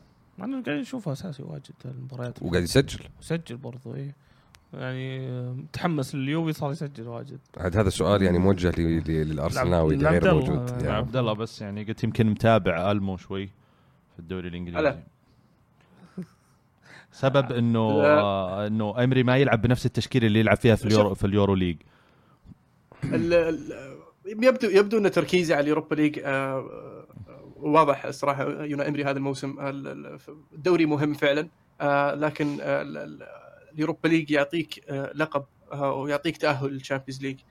ف أفضل من إنك تأخذ توب فور وتخلص موسمك زي كذا. ف في مباريات في الدوري الإنجليزي تقدر تحسمها من غير ما تلعب أفضل تشكيلة لك بس لازم تلعبها بحنكة. ولا ننسى طبعا إن يوناي إمري ترى أول موسم له وكان اللي قاعد يقدمه مستوى أكثر من رائع في وجهة نظري. و- ولسه باقي له آه، باقي له يعني مواسم قادمة آه، ليثبت آه، جودته و- ومقدرته على على على خلافة الأسطورة طبعا فينجر. وأتوقع يعني أن راح نشوف أرسنال مختلف في السنوات القادمة في إذا ما استمر طبعا أوناي إمري. يعني ما عاد هو أرسنال يتابع ال top four يعتبره بطولة؟ هو بالنسبة لي آه، المف- يعتبرون البطولة يعني كانوا على أيام اي. المفروض إن أوناي إمري ينتشلهم من هذه ال mentality أو هذه العقلية عرفت؟ نحفظ حق الرد. ما هو عبد الله. ضروري هو جدا. كويس. ضر- ضروري جدا ضروري جدا. لا بس فعلا أوافق الرأي ألمو. يعني يحتاجون آه، طع يحتاج طعم النصر طعم النصر يعني ضروري جدا إنك تذوقه كفريق أساس إنك تعرف تكمل إلى بطولات أكبر من ذلك. آه، شفناها مع فرق كثيرة إنه يفوز بطولة واحدة صغيرة ويفتح له الباب هذا إلى بطولات أكبر. مو دائما تصير بس يعني إذا أرسنال يبغى يرجع يصير واحدة من الفرق اللي ينافس على الدوري لازم يفوز أي بطولة يكون هو موجود فيها. آه، أقرب شيء له ممكن يكون اليوروبا league. آه لسه في فرق يعني بمستواها جيد في اليوروبا league ما ما خرجت. فنشوف إيش ممكن يسوي أرسنال. لازم يعدون نابولي أول. لازم يعدون نابولي أول. آه طيب وفي عندنا برضو مانشستر يونايتد يفوز 2-1 ببلنتيين بوجبا. مبروك ألمو. الله يبارك فيك. أنا مباراة يعني آه، آه، سلب منها اليونايتد بكل صراحة. آه، هدف صحيح ملغي في الشوط الأول لويست هام. ويست هام كان الأفضل في في المباراة بشكل بشكل عام من جميع النواحي. بلنتيين كانوا صحيحين يعني بس آه، آه، ما أدري شلون فاز اليونايتد بكل صراحة. أهم شيء ثلاث نقاط آه، وأهم شيء الحين المباراة اللي بعدها برشلونة بكرة نشوف إيش يصير معنا. يقولون فزتوا بالغلط يا ألمو هل هذا صحيح؟ والله ما, ما نقول بالغلط يعني طبعا إحنا رايحين نبغى نفوز يعني. فزنا بالحظ بس مو بالغلط. آه مو بالغلط. أوكي بس هذا بالتأكيد. الشيء اللي غير سولشاير صراحة. ثقافة الفوز صارت عند عند اليونايتد يعني واضحة إنه الفريق داخل حتى في أسوأ احتمالاته يفوز. وهذا يمكن آه، يعني أي فريق في العالم يتمنى أن تكون عنده هذه ال- آه، هذه الخصلة خصوصا انه ويست هام فريق جدا متطور وفريق قوي مع مع بيليجريني الفترة الأخيرة. وعندنا برضو مانشستر سيتي يفوز 3-1 على كريستال بالاس ستيرلينج مبدع هالأيام. يا أخي بس المشكلة مو بهنا يا دبي. المشكلة انه يعني حاليا توتنهام عنده 67 نقطة ارسنال قاعد يلعب آه عنده 66 نقطة تشيلسي عنده 64 آه، تشيلسي كمان عنده 66 ومانشستر يونايتد عنده 64 منافسة ال top four السنة هذه يعني ممكن توصل إلى آخر جولة. بالنسبة لنا ترى يعني لا لا لا تأمل. مرة؟ اي لازم. نفوز كل مبارياتنا الجاية ومنها مباراة يونايتد. طيب ليش ما نفوز على يونايتد؟ هذا هم برشلونة فازوا يا أخي. أنا أقول أسهل لكم تلعبون مع أرسنال في النهائي. خلها اللي اليوروبا يروح ليج. إيه. إيه، ما ما أتوقع top four ماش ماش غير مقنع يا دبي بصراحة يعني. والله أنا ما أرجي شيء يعني من الموسم هذا صراحة ما أتوقع شيء. طيب. وما أتوقع شيء السنة الجاية برضو يعني ال- ال- الوضع عصيب. طيب طيب انت يا ألمو تتوقع أنكم تسوونها ولا يسبقونكم أرسنال وتوتنهام منها؟ والله آه، يعني طريق اليونايتد صعب جدا يعني ما ننسى أن آه، اليونايتد بيقابل تشيلسي آه، وبيقابل إيفرتون في في في ليفربول وراح يقابل السيتي. ف يعني شوي صعبة على اليونايتد. ف أسهل على أرسنال وتشيلسي إذا إذا يعني ما ركزوا على ما ما تشتتوا بتركيزهم على ال Europa League خلينا نقول.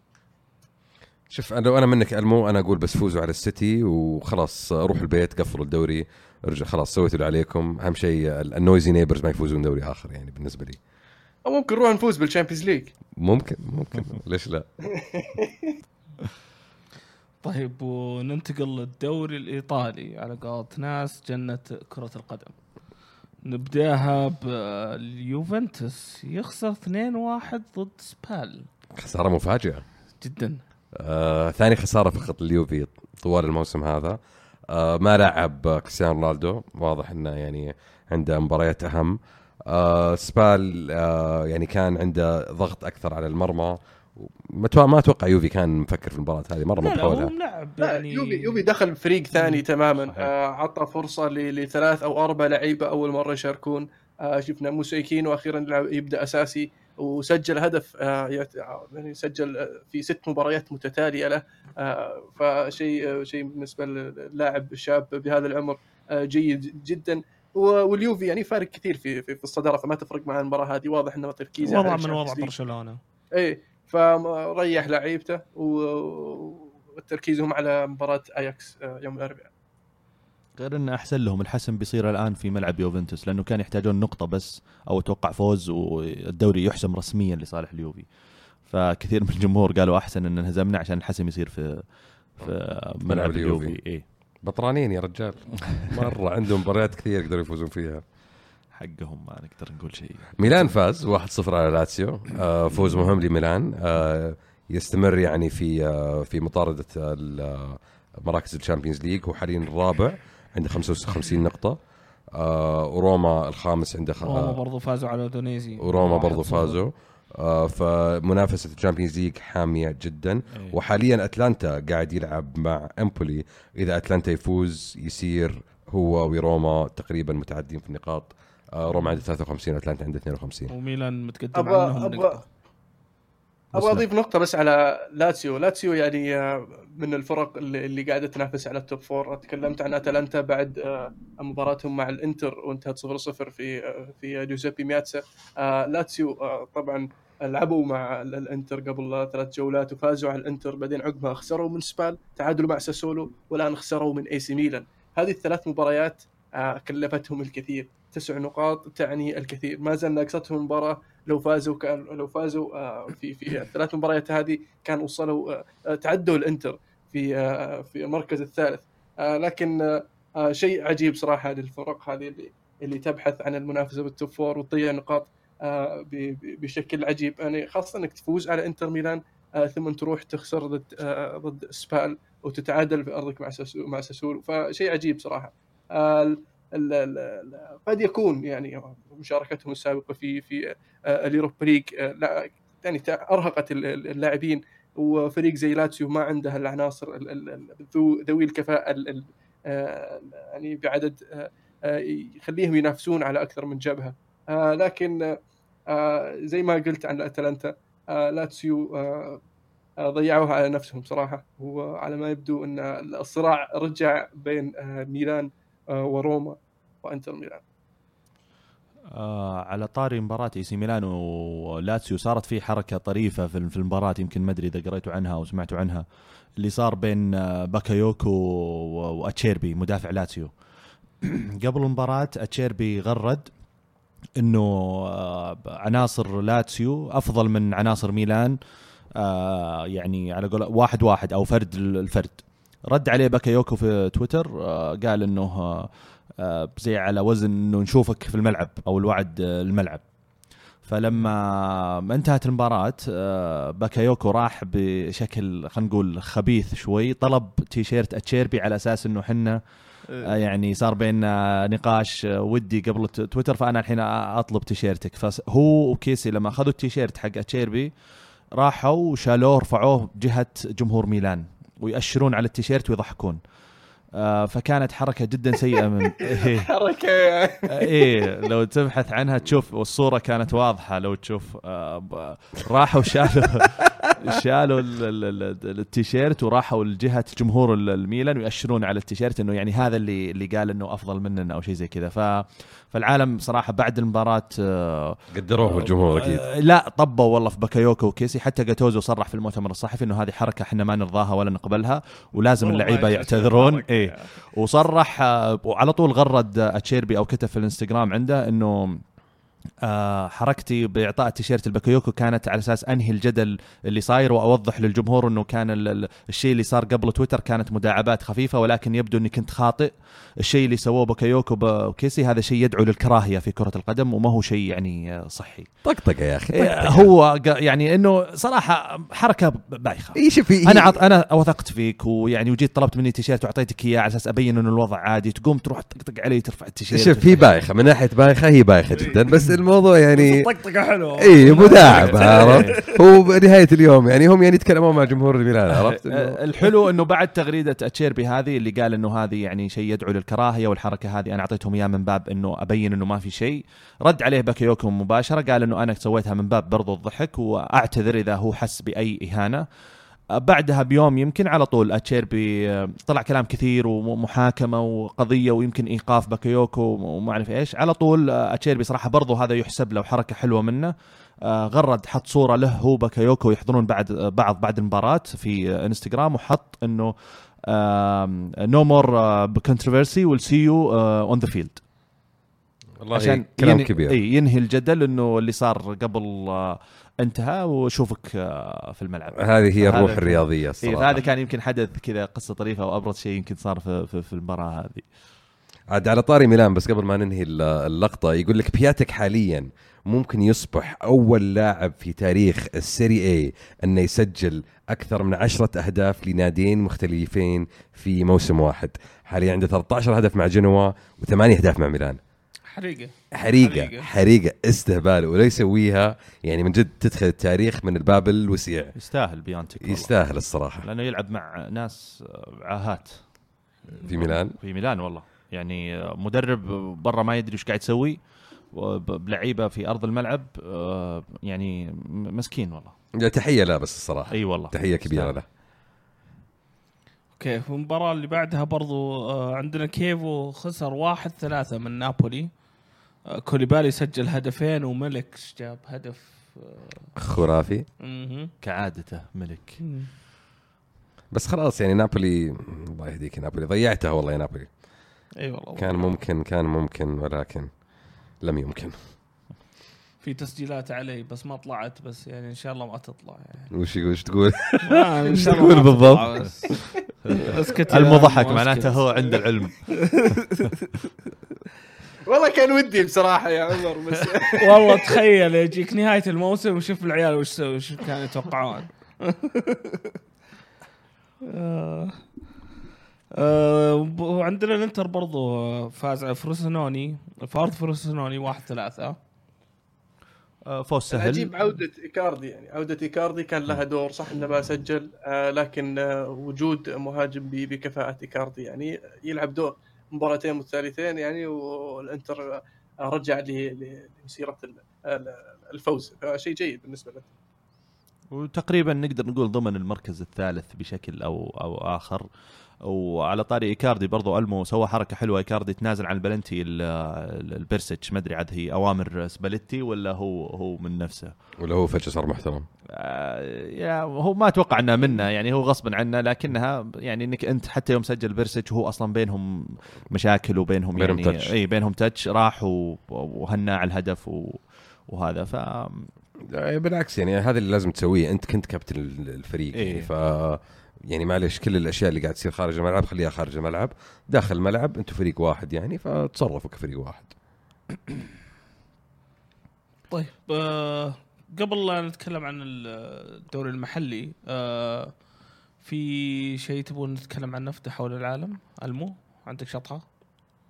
آه PSG انصقعوا خمسة. إيه امم صح PSG كان بإمكانهم يفوزون بالدوري لكن آه، ليل وقفهم طبعا ثاني فريق يفوز على PSG في الدوري الفرنسي بعد ليون آه ال- آه مبابي الغريب مبابي انطرد آه في الشوط. في تدخل تدخل في خشونة يعني. هو مو بارنت اللي انطرد؟ وبارنت طبعا في. طردين كان آه. على على ال PSG هو عشان. كذا كان كلام على. على التحكيم مو كثير بس لملمو هذا الشيء اللي يعني يستاهل يستاهل يذكر بصراحة حول العالم. آه، غير ذلك يعني البايرن فاز ودورتموند فاز وال- والمطاردة مستمرة في البوندسليغا. عاد آه، هذه هذه معلومة شوي آه، غريبة ممكن تكون شطحة شوي. يقول لك ليفربول حاليا ليفربول ومانشستر سيتي ما خلص الدوري حصدوا عدد نقاط أكبر من سبع أبطال لل Premier League سابقين. حاليا ليفربول عنده 83 آه، 85 نقطة سيتي عنده 83 آه، قبل يعني من يوم ما بدأ ال Premier League كان عندك سبع أبطال مختلفين فاز الدوري بأقل من عدد نقاط آه، السيتي اللي هي 83 نقطة. اليونايتد 82 نقطة في عام 96 في عام 97 فاز اليونايتد ب 75 نقطة. أرسنال في 98 فاز ب 78 نقطة. آه اليونايتد في 9 في عام 99 فاز ب 79 آه وليستر سيتي فاز ب 81 نقطة ويونايتد في عام 2011 و2001 فاز ب 80 نقطة. فهذا يدلك إن المنافسة في الدوري الإنجليزي السنة هذه ما هي طبيعية. وممكن نشوف يوريك إن ليفربول والسيتي في level ثاني. مستوى آخر. إيه، مستوى آخر. ولا وممكن نوصل لمرحلة إنه يفوزون كل مبارياتهم ويصير عندك الأول عنده 97 نقطة والثاني عنده 95 نقطة. يعني تخيل تخسر الدوري عندك 95 نقطة. وش ذا وش ذا النكد بصيح. ف بالضبط بصيح. ف... سواها نابولي يعني خسر الدوري ب 90 نقطة. يعني. وسواها مدريد الظاهر بعد. وصاحوا. وصاحوا مدريدية. نابولي يا أخي المساكين ارحمهم يا شيخ. شكرا لكم. طيب ننتقل للدوري السعودي. عندنا الهلال يفوز على الأهلي 1-0 في الدوري السعودي. آه، فوز مبروك. الله يبارك فيك. فوز وبعد طلعت الروح. آه، بصراحة يعني آه، الهلال الآن يمر في مرحلة جدا صعبة من حيث من ناحية المستوى. زوران آه، جالس يتخبط في الفريق لا من ناحية تغييرات لا من ناحية طريقة أسلوب لعب. أنا أعتقد أنه قاعد يصير في الهلال الآن مجرد اجتهادات لعيبة. آه يعني أعتقد إنه مدرب أو أعتقد إنه زوران إلى الآن ما استوعب إنه جالس يدرب الهلال. يعني لا طريقة لا أسلوب صحيح. آه آه عناد ويعني إصرار على رأي معين. آه، يتكلم على اللعيبة في المؤتمر الصحفي يعني حتى انسال على إنه كريو آه، طلعته ليش دقيقة 70 فقال أنتم دائما تسألوني ليش تطلع فلان ليش تطلع علان؟ أعجبكم مستوى كريو اليوم؟ مستوى كريو كان سيء. فالإشارة إلى لاعب من لعيبتك إنه سيء هذه بحد في الإعلام برضو هذه بحد ذاتها يعني شيء أعتقد إنه تصرف خاطئ. آه، الصدارة رجعت صحيح ولكن الهلال قدامه ثلاث مباريات صعبة قدام التعاون وبعدها قدام الاتفاق في أرض الاتفاق والأخيرة في الشباب. آه، والاخيره مع الشباب في الرياض. إذا استمر الهلال بهذا المستوى وهذه الأسلوب والطريقة ما أعتقد إنه راح يفوز في الثلاث مباريات الجاية. مع العلم إنه النصر مبارياته في المقابل نوعا ما أسهل. يعني هي تقدر يعني تجادل حول هذا الموضوع لأنه النصر راح يلعب مع فرق ممكن مهدد على الأقل منها اثنين منها مهددة بالهبوط. آه، فممكن دائما عندها ال- ال- ال- الرغبة برضو قوية ولكن اثنين منها في الرياض والنصر الفترة الأخيرة آه، يعني صاير يعرف كيف يفوز وفي قوة فلسه الدوري يعني صعب. يعرف كيف يفوز؟ النصر قصدي ال- ال- ال- الفترة الموسم هذا يعني آه أوكي يعني النصر حقق يمكن ثمانية أو تسع انتصارات متتالية يمكن أطول سلسلة من عام 2000 وكم 14 أو 2013 في الدوري اللي اخذوه عشان تحاول بالعكس تفهم غلط. إيه، لا أنا إيه، بس. أتأكد. بالعكس انت لو سمعت حلقتنا اللي قبل الماضية تشوف كيف أشدنا بالنصر وأشدنا بلعيبة المحترفين وأشدنا بفيتوريا صراحة. آه فأنا أنا عن نفسي استغربت من من هزيمته قدام الاتحاد مو عن شيء ولا تقليل في الاتحاد لكن بنجيها يمكن الحين بعد شوي بشكل ال- ال- اكبر لكن آه ما زلت أقول إنه النصر ال- ال- الدوري أقرب آه للنصر من الهلال. نجيها المباراة بس إلا إذا المو يبي يقول شيء. الهلال. عن مباراة الهلال. والله آه، ما ما عندي شيء أضيفه بصراحة ما قصر عبد الرحمن لكن آه، ال- ال- الهلال بمباراه ال- الأهلي مطرود منهم واحد آه، ويضغطونك بشكل هذا آه، فهذه مؤشرات آه، يعني آه، يعني لا تدل على أي شيء من الخير أو من مما حوله. آه، آه، أخذ فريق آه، قوي منافس يهابه الجميع إلى فريق مرتبك يخاف من الغلطة. وهذا شيء صراحة مؤسف. طيب ننتقل لمباراة الاتحاد يفوز 3-2 على النصر.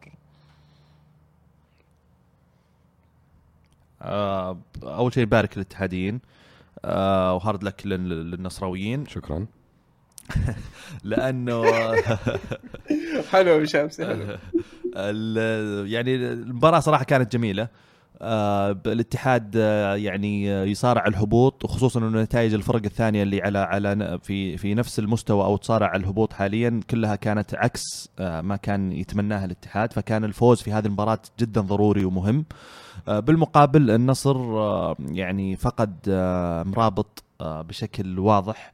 نور الدين مرابط كان تأثيره على على على النصر وغيابه كان مؤثر جدا على على طريقة لعب النصر. بالنسبة لي سييرا برضو كريدت لسييرا. ما لعب ما لعب خايف. آه، لعب بأسلوب المعتاد. آه، فيلانويفا كان هو ال- الكل في الكل في الملعب حلقة الوصل يرجع يستلم الكورة من المحاور يوزع الكور على الأطراف. آه، فهد المولد بريوفيتش كان قناص صراحة في هجمتين أو ثلاث هجمات جتها كانت كلها خطيرة. بشكل عام أعتقد إنه ال- الاتحاد كان كان يستحق الفوز في هذه المباراة.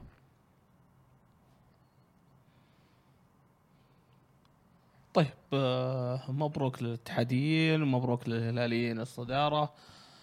آه ننتقل لبطل بصل؟ بطل وبصل أحب الفقرة ذي يا عيال مين مرة. يبغى يبدأ؟ أنا ودي أبدأ لأن أحب الفقرة مرة. بطل الأسبوع هو لاعب بنفيكا الشاب خواو فيليكس. آه خواو فيليكس لعب أول مباراة له مع بنفيكا في ال Europa League آه الأسبوع الماضي أمام أينتراخت فرانكفورت.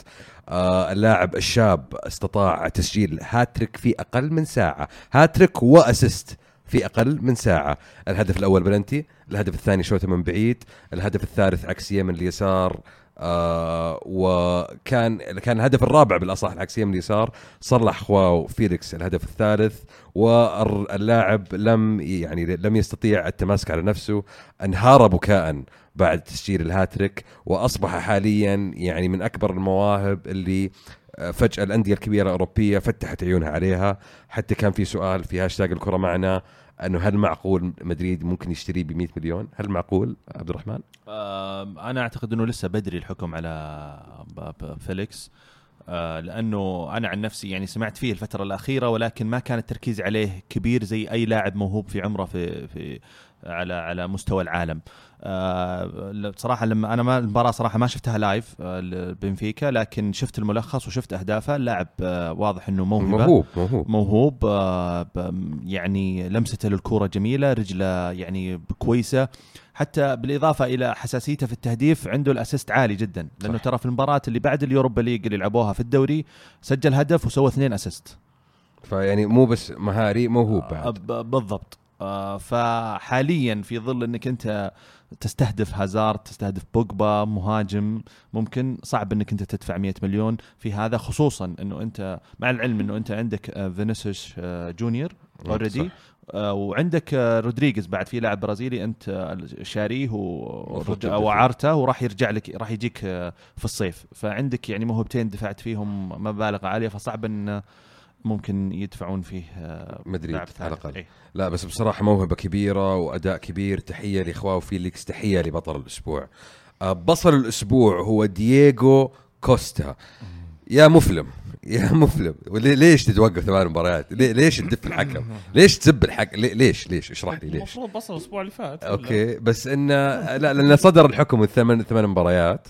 فيعني لعبت الموسم هذا 16 مباراة سجلت هدفين فقط في الدوري. ما أدري أتلتي وش مستفيدين منك. انتبه لنفسك احتمال يصرفونك لا تجيب العيد. أنا أشوف إنه فيها تلاعب في القوانين هذه بصل أنا شفت إن الحكم صدر قبل يومين فيعني آه، هو فعلا الحكم صدر قبل يومين يعني فعلا وثمان مباريات يعني مرة كثير أضيف- ترى. أبغى اضيف أبغى اضيف نقطة إن ديو كوستا توقف ثلاث مرات هذا آه، هذا الموسم. آه، هذا مو مو بعدد المباريات عدد المرات اللي صدر عليه حكم الإيقاف. ف يا رجال يعني موسم سيء عنده ظهر موسم عنده ظهر كروت صفراء أكثر مما عنده مباريات يعني ما أدري ما أدري شلون تصير ذي بس انها سبحان الله تصير. آه هدف الأسبوع بالنسبة لي آه لازم أكون متحيز يا عيال لازم لازم أختار هدف لفريق يعجبني ولاعب يعجبني. هدف هازارد يوم الاثنين الماضي أمام ويست هام كان هدف رائع كان هدف جامد كان هدف هازاردي. آه استلم الكرة من نص الملعب آه كان قدام لاعبين دفها بكذا بسرعة دف شق بينهم. وصل الم- المنطقة شق بين اثنين زيادة حطها على اليمين. يعني من الأهداف اللي أنا بالنسبة لي شخصيا أشوف قليل لعيبة جدا ممكن يسجلونها بمهارة ال- ال- التسحيب وال dribbling. فتحية لك يا هازارد على هدفك الجامد. شكرا أمتعتنا وأترك المايك لغيري. طيب. تفضل عبد الرحمن. المو ولا؟ تفضل. أنا بالنسبة لي بطل الأسبوع طبعا أنا منحاز شوي المدربين دايم. بوتشيتينو بالنسبة لي بطل الأسبوع. آه، بانك أنت تدخل مباراة بضغط عالي آه، في قرعة أو يعني أوقعتك مع السيتي آه، مرشح أحد المرشحين للحصول على ال Champions League وتلعب بهذا الأسلوب وتفرض أسلوبك على جوارديولا هذا بحد ذاته كان يعني بالنسبة لي كان ممتاز. بالإضافة إلى استمرارية ال- ال- المستوى طوال 90 دقيقة. يعني ما كانت على قولتهم حماس بداية المباراة أو أجزاء من المباراة. لا لمدة 90 دقيقة مع سيطره طبعا السيتي في وقت من المباراة ولكن آه، فارض أسلوبه كان. فبالنسبة لي بوكيتينو بطل الأسبوع. بطل الأسبوع والله يعني أنا آه، متردد ولكن آه، ما أبغى أصير متحامل واعذروني يا شباب. ولكن بالنسبة لي جورجينو بصل الأسبوع لأن أنا كنت مأمل عليه شيء كبير وتابعته يمكن من بداية الموسم كثير. أعتقد كان هو نقطة الضعف في في نتيجة أمس. قدام آه، ليفربول. آه، وقفة اللاعب خطأ. ليفربول يستلمون كورة في نص ملعب تشيلسي بكل أريحية ويتبادلون لدرجة أن فابينهو في بعض آه، المباريات كنت أشوفه عند قوس منطقة تشيلسي. ف فكلاعب في مركز أنا أحبه ما يعني ما وش قاعد تسوي؟ مش قاعد تسوي. وش قاعد تسوي؟ ب- بالضبط. okay. آه هدف الأسبوع آه يمكن آه مو صلاح. آه هدف مو صلاح برضه صراحة. أنا جالس جنب اثنين تشيلساويه بيطقوني الحين. بصل كيف تطلع من هنا؟ أنا آسف. بصل الأسبوع لاعبهم وهدف الأسبوع على فريقهم فيعني sorry. لا مو صلاح صراحة لأنه يعني زي ما انتقدناه برضه إحنا كثير وانتقدنا أسلوبه وتعامله مع الإعلام أو تعامله مع الجمهور أو نفسيته حتى بعد تسجيل الأهداف صاير ما يفرح صاير يلتفت كثير للإعلام وكلام الناس. آه لكن شوي شوي بادي الآن يرجع بادي يثبت نفسه. وصراحة يعني كلنا ودنا في جانب كبير ودنا انه آه نص رغبتنا في إنه ليفربول يحقق الدوري عشان آه صلاح يكون جزء من هذا ال- الإنجاز ويحقق الدوري. وإضافة إلى أن هدفه أمس كان صراحة هدف آه، خرافي في مساحة ضيقة قدر يستلم الكورة سحب بالظهير وشاتها على قولتهم في الزاوية اللي يسكن فيها ال- ال- الشيطان. مو صلاح والله شوف صراحة أنا يعني ما ما أقدر أزعل لأن مو صلاح سجل فيني هدف زي كذا لأن هدف كان جامد. وبصراحة يسعدني أكثر انه أوكي صح تشيلسي أكل الهدف بس صراحة حاليا هداف الدوري هو. اجويرو 19 أنا هدف أزعل ف أنا أزعل لأنه ما كان يسوي كذا مع تشيلسي لا يا أخي لا ما ما. ما زعلانين. عليه جمهور تشيلسي فرح أمس بعد الهدف لا هو ما فرح على فكرة هو ت- إلا فرح الحركه فرح. الحركة اللي سواها كانت على فرح فكرة حركة يوغا آه، حركة يوغا وأتوقع كانت رد على حركة كراتي كد يا أبوي وش اللي أتوقع كانت الحركة هذه رد على آه، الخبر اللي طلع إنه كان في جماهير تشيلساويه أيوة. آه، في آه، في براغ عبارات آه، عنصرية. أيوه آه، كان في هو ماني آه، أيوه بالضبط آه، يعني أغاني عنصرية ضد صلاح وضد ماني وبالنسبة لي الجماهير هذه يعني معليش تعيس أنت بصراحة شكرا شكرا يا أبو شامسي والله معليش. أنت آه، تعيس جدا الأسبوع يعني. طبعا. ف... الأسبوع. ف... ف... ف... ف... طب اصبر يا أخي ما كملت خليني أكمل النقطة يبقى اللاعب هذا لاعب عندك يبقى اللاعب هذا يعني ما سوى لك شيء آه، يخليك تزعل منه. ما هو باشلي كول مثلا ما ولا هو ب آه، ما أدري فيجو مثلا. لا إنه هذه اللعيبة اللي يوم طلعت من النادي جمهور النادي زعل أو جمهور النادي فعلا أخذها بشكل شخصي يعني. فبالنسبة لي يعني تحية الصراحة على هدفه يعني من جد. حلو. المهم آه بصل. الأسبوع طبعا جمهور تشيلسي وأتوقع عرفتوا ليش. أنت بادي غلط ترى الموضوع. تبدأ من بطل بعدين بطل بطل الأسبوع آه طبعا نادي ليل الفرنسي اللي آه صقع PSG بخمسة. بصراحة نتيجة طيبة. وهدف الأسبوع الفاول اللي سجله جريزمان بطريقة آه رائعة جميلة وفيها كذا شوية من البرود والإحساس الرفيع بصراحة. طيب بما إنكم شلحتوا كل أهداف الأسبوع ما بقى لك شيء. آه بهدف الأسبوع بالنسبة لي هدف ملك. آه الشوطه من بعيد هدف جدا جميل. مع إني كان ودي أختار هازارد بس يعني المرة الجاية ما أسولف معك. هد- هدفين حلوين ما عندي مشكلة. آه بطل الأسبوع لازم اعطيها الاتحاد. آه اللي قدر يفوز على النصر مباراة كانت حماسية جدا. بصل بصل. ما فكرت فيها البصل. المهم ما عندك بصل ثاني؟ تبي تعطيها توزع بصل زيادة؟ والله يعني شوف الب- البصلات كثير يعني. إذا تبغى تعطي مثلا هذا هو عشان كذا سألتك. على طول. روخو مثلا روخو يعني كان آه، لاعب بشكل وزايد وكان سبب واضح في الهدف ويست هام. في عندك آه، آه، لعيبة باريس سان جيرمان اللي كان الغرور واصل لهم لدرجة أنهم يعتقدون أنهم بيفوزون على على ليل لأنهم فقط باريس سان جيرمان. في عندك طبعا دوجلاس كوستا ال- ال- الشامسي لكن آه، آه، يعني هذا اللي أتذكره يعني حاليا. خلاص ما قصرت. ننتقل آه، هاشتاج الحلقة. طيب آه هاشتاج الحلقة بناخذ منها أس أسئلة بشكل سريع. آه آه، مستر مودي مو يقول ليه دائما يتم اتهام الدوري الألماني بأنه دوري ضعيف بحجة عدم المنافسة؟ وأن الدوري يحسم بشكل مبكر إلى آخره مع أن الدوري الإيطالي يعتبر نفس الشيء مع بعض المنافسة كل ثلاث إلى أربع مواسم وتقريبا اوروبيا الفرق الألمانية محققة نفس الإنجازات بإم- بإمكانيات أقل نتيجة قانون 50 زائد واحد. عندهم قانونهم أن جميع خمس فوائد 50% لازم يتم امتلاكها من طرف الأند ال- الجماهير. فبالتالي ما عندك يعني مسألة انه يجي واحد مثلا زي إبراموفيتش ويشتري نادي ألماني آه okay. هذه ما تصير. ف... فالجواب أنا أحس إنه سهل لأن خلال السنين الماضية كلها كل ما طلع فريق كويس في ألمانيا يجي بايرن يشلح لعيبته بكل بساطة. يعني نتذكر وولفبورغ نتذكر شالكا نتذكر آه، حتى دورتموند في الفترة الماضية فيردر بريمن كلها فرق طلعت وبرزت في آخر يعني خلينا نقول 15 سنة مثلا في ألمانيا. بس جميع الفرق هذه اللعيبة الكويسة حقتها بعد ما تفوز الدوري يجي بايرن ميونخ ويشيلها. فإلين ما يتغير الشيء هذا يعني الدوري الايطالي على الأقل عندك فرق آه يعني عندك قوى مختلفة في إيطاليا بين إنتر وبين ميلان وبين روما ممكن إلى مستوى أقل وبين يوفي فوق آه في, في الشمال. فما عندك نفس ال- التمركز آه للقوة عند نادي واحد. صح أن يوفي حاليا مكوش الدوري سبع مواسم متتالية بس نتذكر إن يوفي أول ما صعد من الدرجة الثانية قاعد كم من فت قاعد كم من موسم ما كان يعرف يحقق النجاح اللي تتوقع من اليوفي بشكل مباشر فأتوقع هذا أوضح شلون إنك يعني. ما قلت برشلونة مع الناس اللي مسيطرة على والله هي مسيطرة. يعني بس انه أخذوا لهم دوري مدريد قبل كم سنة ويعني كسر كسروا العقدة يعني شوي طيب أعتقد في يمكن مدرب أو أو صحفي قد تكلم سا- سابقا عن سياسة اسمها سياسة أضعاف المنافسين. آه، وفي بعض الفرق الكبيرة قال إنه يت- يت- يتخذونها آه، هذه الفرق وذكر منها واحد بايرن ميونخ. بايرن ميونخ هذه سياسة يضعف المنافسين بحيث إنه يشتري أبرز اللعيبة اللي في الدوري نفسه. وفي حتى لو ما نجح ممكن يجربه ممكن ما يلعبه حتى. نجح ثبته ما نجح ممكن يبيعه. برا ألمانيا أو يبيعه ال- ال- ال- ال- الفرق صغيرة. والسياسة هذه ترى بايرن يعني فترة طويلة جدا وهو مستمر فيها. ويوم برز بايرن يعني في بداية الألفية الفترة هذيك ووصل نهائي ال Champions كانت مبنية على تشليح لعيبة من انديه ثانية صحيح صحيح. فللأسف يعني نتمنى ان نشوف المنافسة في الدوري الألماني زي مثلا الدوري الإنجليزي ولا الدوري الإيطالي إن على الأقل عندك فرق كبيرة. حاليا دورتموند قاعد يبذل مجهود كبير إنه يسوي الشيء هذا بس يعني لسه موجود. وينك يا ليفركيوزن وينك يا شالكة؟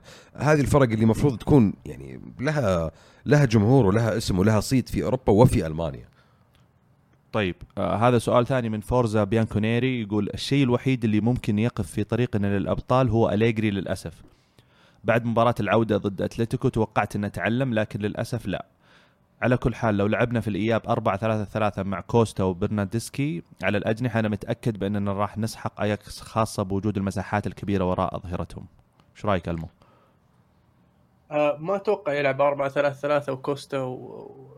وبرناردسكي آه، وخاصة إذا بيلعب رونالدو. يعني ما أتوقع بيلعب رونالدو كرأس حربة آه، لأن تحتاج آه، منزوكيتش. آه، بتلعب منزوكيتش تحتاج لاعب زي آه، رونالدو. رونالدو يحتاج لاعب زي منزوكيتش معه آه، لي- يعني يختلق له ال- ال- المساحة. آه، في وجهة نظري آه، إنه يصير عندك لاعب زي كوستا ورقه رابحة آه، راح يكون شيء ممتاز. وشوف إن يعني اليوفي يقدر يخطي آه، أياكس في آه، في في, في تورينو خاصة. طيب آه ننتقل إلى مؤيد الرواش ده. آم، انتراوي يقول فوز مهم جدا خاصة قبل فترة الجحيم اللي راح نلعب فيها. ساتر. آه روما مع الروما واليوفي ونابولي. هذه الثلاث مباريات راح تكون مصيرية مو بس هذا الموسم ولكن في تقدم مشروع النادي. والله فعلا مصيرية. يعني إذا إذا إنتر ما عرف إنه آه، يعود لل Champions League وما عرف إنه يجذب العناصر اللي يبغى يجيبها في الصيف آه، يتعطل المشروع اللي قاعدين يبنونه انتر اخر كم من سنة. فيحتاج انه يحافظ على مركزه في مراكز ال Champions League.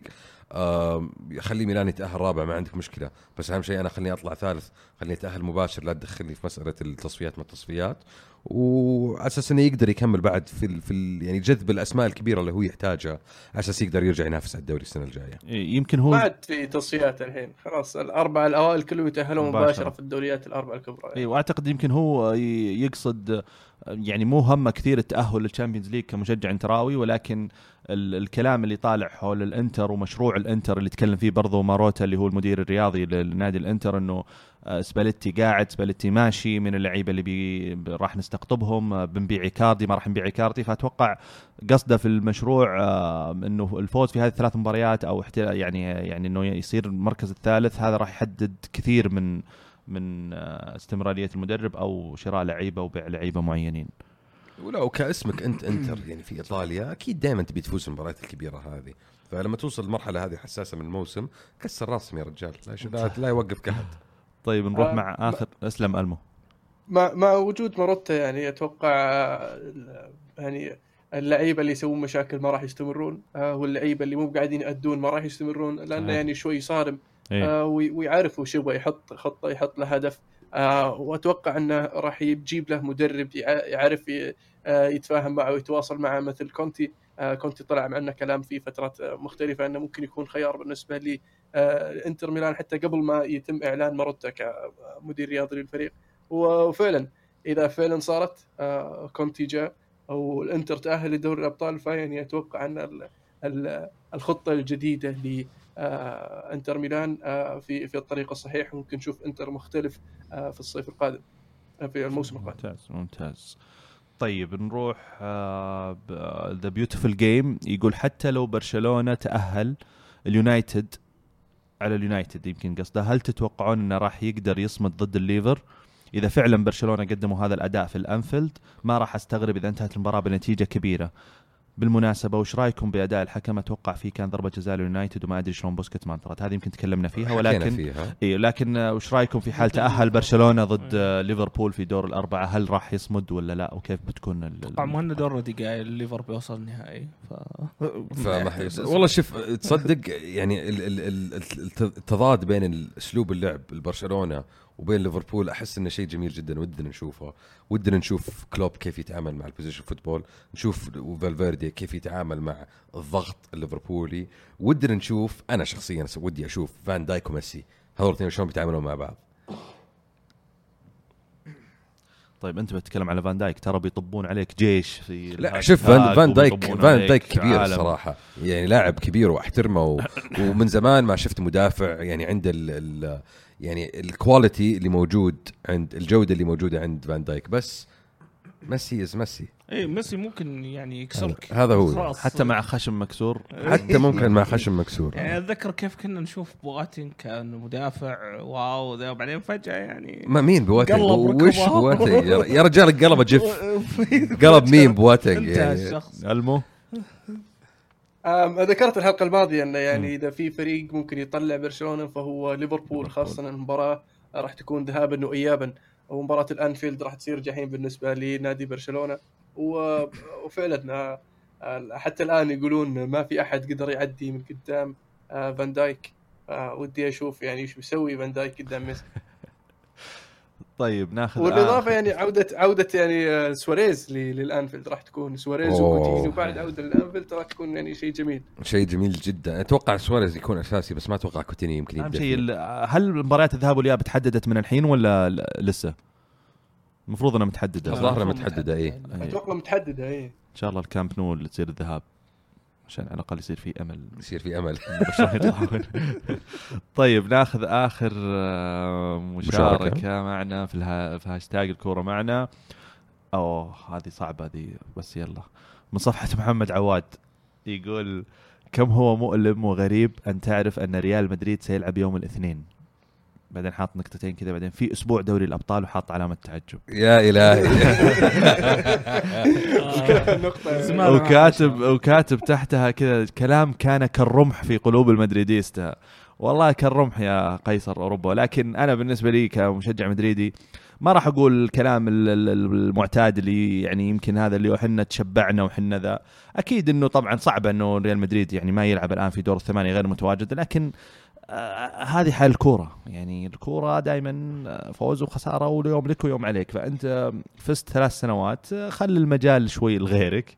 آه، وإن شاء الله السنة الجاية مع زيدان آه، راح نفرح إن شاء الله ونوصل إلى ما أبعد من دور الثمانية إن شاء الله. وبعدين غير كذا يبغى لهم ينتبهون- المدريديستا ترى ولا يمكن تبدون تلعبون يوم الخميس يعني مثلكم مثل غيركم. لا يصير وضعكم صعب مرة يعني كذا. لا لا إن شاء الله ما ما نوصل لهذه المرحلة. طيب آه نقول شكرا لمشاركاتكم الحلقة. هذه. آه بس آه قبل لا ننهي ال- الحلقة أبي أذكركم تشيكون على ألعاب. لكل ما هو ألعاب على قولة آه الالمو آه ودي أتكلم عن شغلة سويناها يوم الجمعة. في الستريم حق ألعاب. آه كان عندنا بث خيري. آه كان لمدة ثمان ساعات. كان المفروض مدة ثمان ساعات طولنا أكثر شوي. آه الحمد لله قدرنا نجمع 12133 ريال ما شاء الله. و99 هلا لا ما شاء الله. لجمعية واعي جمعية واعي لإعادة تأهيل آه، لإعادة التأهيل. يبي لكم تروحوا تشيكون على الموقع تعرفون عنها زيادة. معلش أني ما عندي معلومات زيادة. بس كان صراحة يعني آه، بث حلو انبسطنا فيه والحمد لله قدرنا نسوي فيه خير. يعطيهم العافية اللي تبرعوا. يعطيكم العافية إنكم سويتوه بصراحة يا دبي. والله يمكن تقدر تقول الجهد آه، أو يعني الشخص اللي آه، سعى في الموضوع أكثر شيء اللي هو فهد الشيحة من ترو جيمنج طبعا كان مشاركين True Gaming وكشكول في البث هذا. وإن شاء الله يعني زي هالأحداث مم- ممكن تتكرر إن شاء الله الجايات تكون أحسن من كذا برضو. والله يعطيكم العافية ويبغى لنا يا ألمو نسوي شيء زي كذا يعني. تشاركون معنا. معنا والله. إي. إن شاء الله المرة الجاية نشارك معكم بس آه، نحطوا ألعاب يعني نقدر نفوز فيها يعني. أبد. من تجيب فيفا ونخليكم تعلقون. فيفا ثمان ساعات أنا وألمو. أيوه نعلق. طيب خلينا نلعب. طيب. لا بس تعلق. نبي تحليلكم. ولا ولا خلي كذا game بين شخصين يعني يقعدون ثمان ساعات ولا عشر ساعات يلعبون ضد بعض. نشوف يعني كم توصل النتيجه كم كم توقع تفوز علي المو ثمان ساعات مباراة. يبينا نحط ساعات مباراة واحدة؟ لا لا إنه يعني نلعب مباراة كل شوي نسوي rematch عرفت؟ نحط نحط incentive نظام لل donation أخ تعرف؟ اي اللي يحط donation 50 ريال يخلي المو يترك اليد. طيب آه، في نهاية الحلقة حاب أذكركم تشت... تسوون لنا follow على تويتر إنستغرام كل ال social media قيمونا على iTunes يفيدنا التقييم حتى لو ما تعطينا خمس نجوم برضو يفيدنا. آه، بس يعني أنت كريم وحنا نستاهل يعني. بالضبط، خمس بالضبط. نجوم. إذا زعلان علينا أربع نجوم يعني. ما- لا يا رجال لا تزعل علينا. إذا الأوبر تعطيه خمس نجوم عطنا إحنا خمس نجوم. مش دعوة يعني. ما في أحد أحسن من أحد ترى. ولا تنسوا تشاركونا على الهاشتاج الكرة معنا إذا تبي نقرأ مشاركتك الأسبوع الجاي. كانت الكرة معنا. والآن كرة معكم. فمان الله